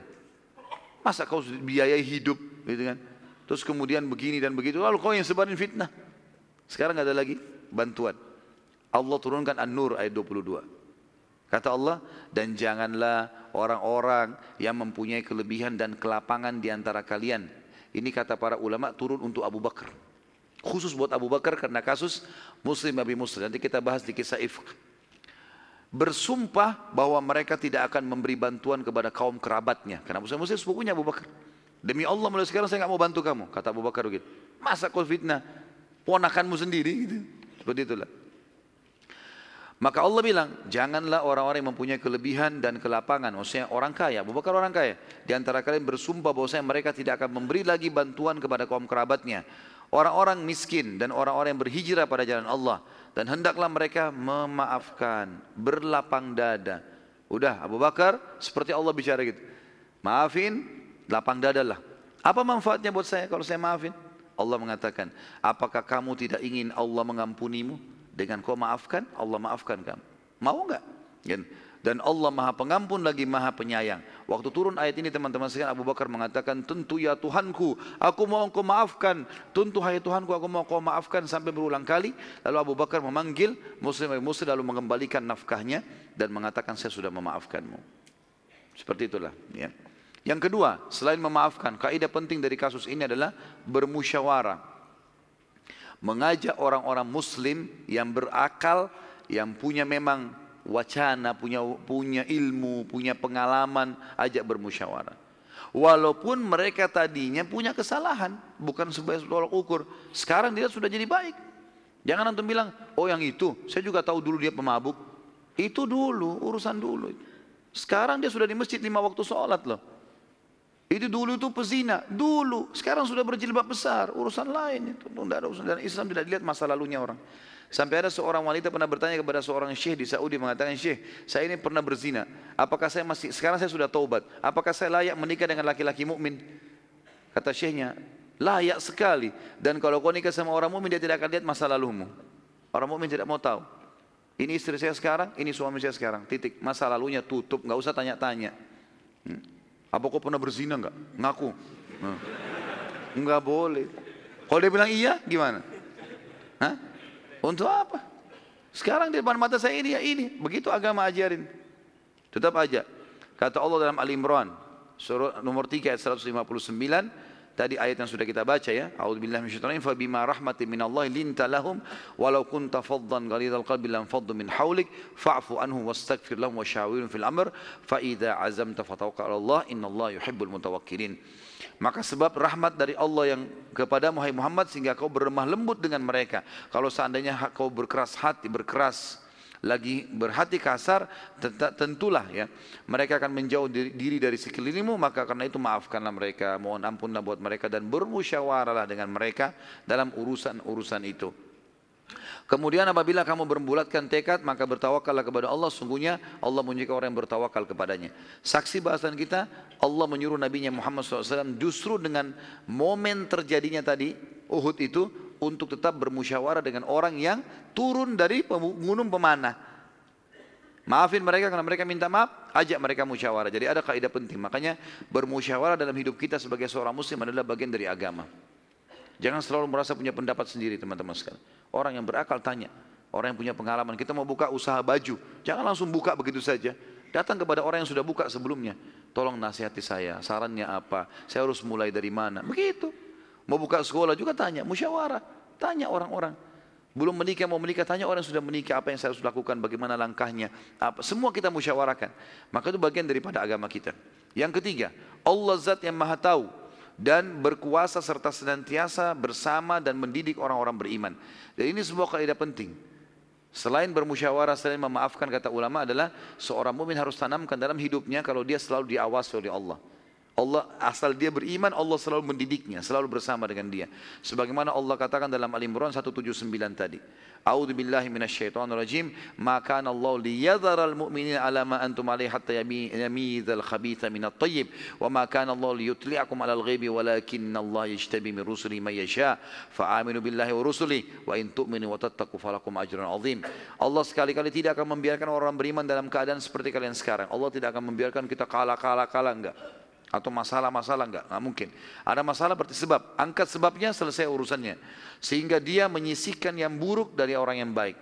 Allah pasti akan sisihkan, tadi sudah saya berikan contoh, kalau Allah keluarkan dari komunitas kita orang-orang buruk berarti Allah memang mau mengeluarkannya. Dan Allah sekali-kali tidak akan memperlihatkan kepada hal-hal yang gaib, akan tapi Allah memilih siapa saja yang dikehendaki dari rasul-rasulnya menyampaikan wahyu, karena itu berimanlah kepada Allah dan rasulnya. Apa yang disampaikan, dengarkan, patuhi. Perintah kerjakan, larangan tinggalkan. Halal nikmati, haram jauhi. Dan jika kamu beriman dan bertakwa maka pahalamu akan disiapkan besar. Yang keempat kaidahnya, kelemahan dan kekalahan terjadi pada saat mukminin tidak patuh kepada Allah dan Rasulnya alaihi salatu wassalam. Sementara sebaliknya, kemenangan pasti datang kepada siapa pun dan bertitik pusatnya pada ketaatan dan niat yang baik dalam menolong agama Allah Azza wa Jalla. Dalam surah An-Nur, surah nomor 24 ayat 63 Allah berfirman, A'udzu billahi minasyaitonir rajim la taj'alu du'a ar-rasul bainakum ka du'a ba'dikum ba'dha. Qad ya'lamu Allahu alladhina yatasalluna minkum liwadha falyahdhar alladhina yukhalifuna amri an tusibam fitnatun aw yusibam 'adzabun alim. Janganlah kamu menganggap bahwasanya panggilan atau doa ya atau seruan Rasul sama dengan seruan seseorang antara kalian. Kalau Allah dan Rasul sudah mengatakan jangan dianggap sama. Sesungguhnya Allah telah mengetahui orang-orang yang beransur-ansur pergi di antara kalian dengan berlindung dengan temannya. Maksudnya meninggalkan Nabi SAW di kancah peperangan. Maka hendaklah orang-orang menyalahi perintahnya takut akan ditimpa cobaan atau ditimpa adab yang pedih. Dalam surah Al-Imran surah nomor 3165 juga Allah berfirman, A'udzu billahi minasyaitonir rajim. Awalamma asabatkum musibatun qad asabtum mithlaiha qultum anna hadha qul huwa min indi anfusikum innallaha ala kulli syai'in qadir. Dan mereka dan mengapa ketika kamu ditimpa musibah pada peperangan Uhud padahal kamu telah menimpahkan kekuatan kenapa kamu sedih pada saat perang Uhud sementara kamu telah menimpahkan atau kalian telah menimpahkan kekalahan dua kali lipat kepada musuh-musuh kalian di perang Badar Katakanlah dan kamu berkata dari mana kekalahan ini bisa terjadi? Padahal kita sudah beriman. Katakanlah itu dari kesalahan diri kalian sendiri. Sungguhnya Allah maha kuasa atas segala sesuatu. Tentu pertanyaan kita tidak buka pagi ini ya. Pertanyaan insya Allah nanti malam. Atau mungkin besok pagi. Jadi kita akan lanjutkan dulu kajian sirah kita. Kita akan padatkan. Selebihnya insya Allah baru ada pertanyaan. Itu pun kalau ada pertanyaan. Tidak usah dipaksakan bertanya. Atau mau tanya apa masalah Uhud dan Badr. Ambil pelajaran. Ya, kejar seperti para sahabat. Yang kelima, Allah Azza wa Jalla memilih syuhada. Ini kaidah. Artinya tidak ada orang mati syahid sendirinya begitu. Tapi memang Allah Subhanahu taala memilih mereka. Dalam surah Al-Imran tadi ayat 40 Allah berfirman, A'udzu billahi minasyaitonir in yamsaskum karhum faqad massal qauma karhum mithlu wa tilkal ayyamu nudawiluha bainan nasi wa liya'lam Allahu alladhina amanu wa yattakhidha minkum syuhada wallahu la yuhibbul zalimin. Jika kamu pada perang Uhud mendapat luka, maka sungguhnya kaum kafir juga telah mendapatkan, sudah mendapatkan luka di perang Badar yang serupa. Dan masa kejayaan dan kehancuran itu kami pergilirkan di antara manusia agar mereka mendapat pelajaran. Dan supaya Allah membedakan orang-orang yang beriman dari orang-orang kafir dan supaya kalian dijadikan sebagai syuhada. Ada yang dipilih oleh Allah dan Allah tidak menyukai orang-orang zalim. Yang ketujuh, yang ketujuh, syaitan selalu menakut-nakuti orang beriman dalam segala keadaan dan kesempatan. maka tinggal tepis saja.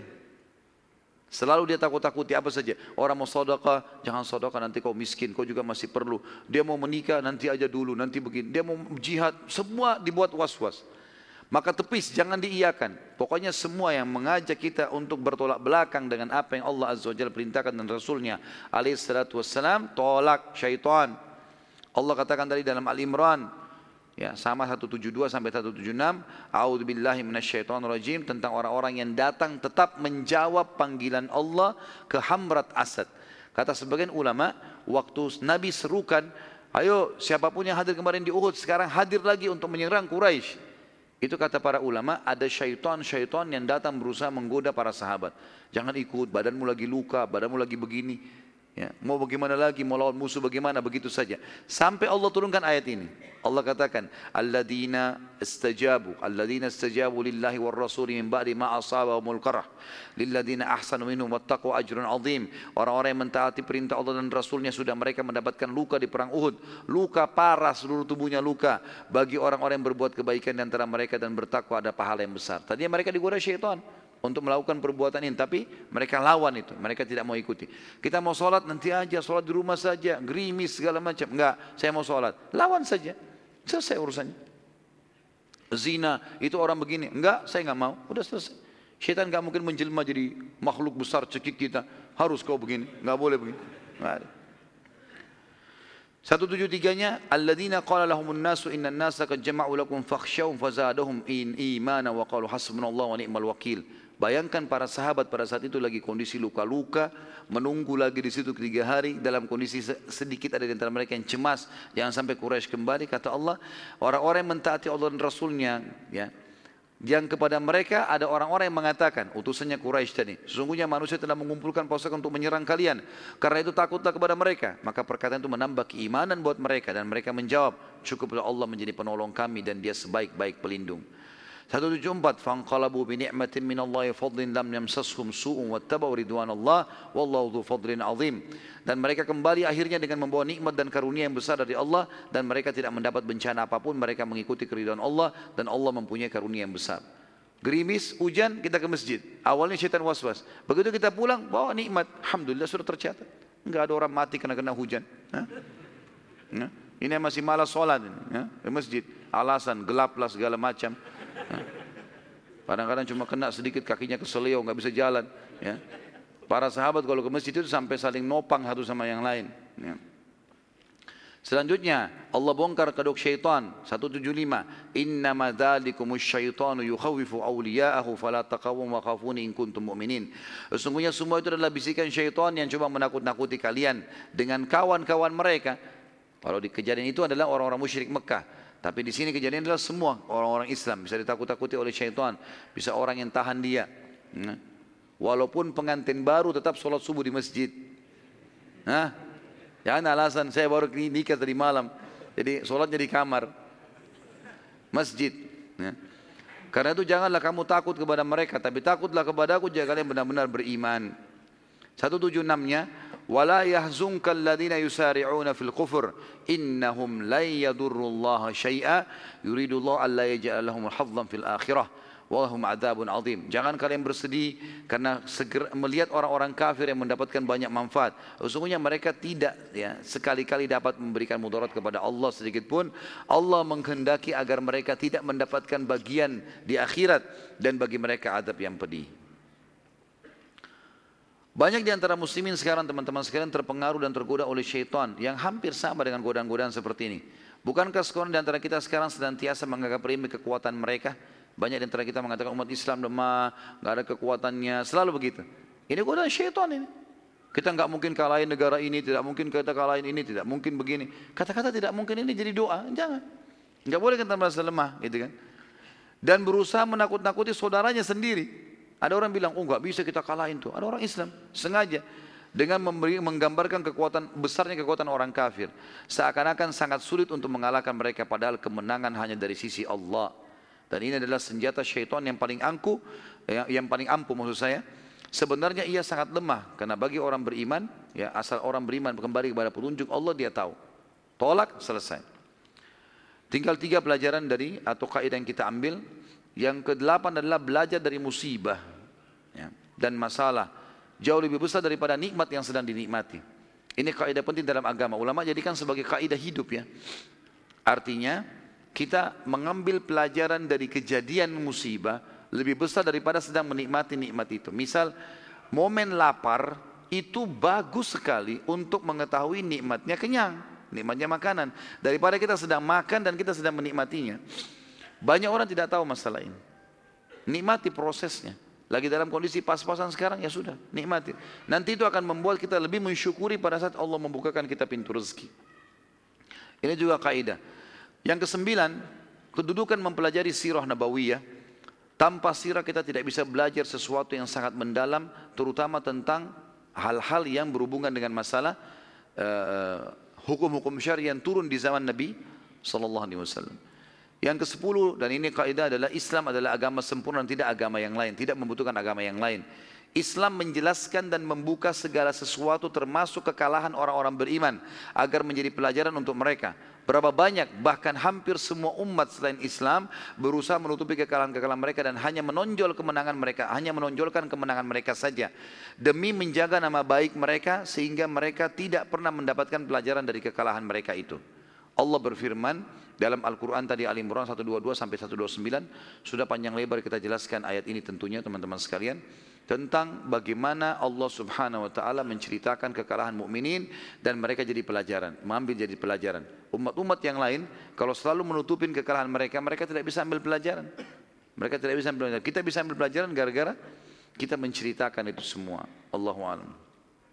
Mungkin saya subhanakallahumma bihamdika asyhadu an la ilaha illa anta astaghfiruka wa atubu ilaik. Wassalamualaikum warahmatullahi wabarakatuh.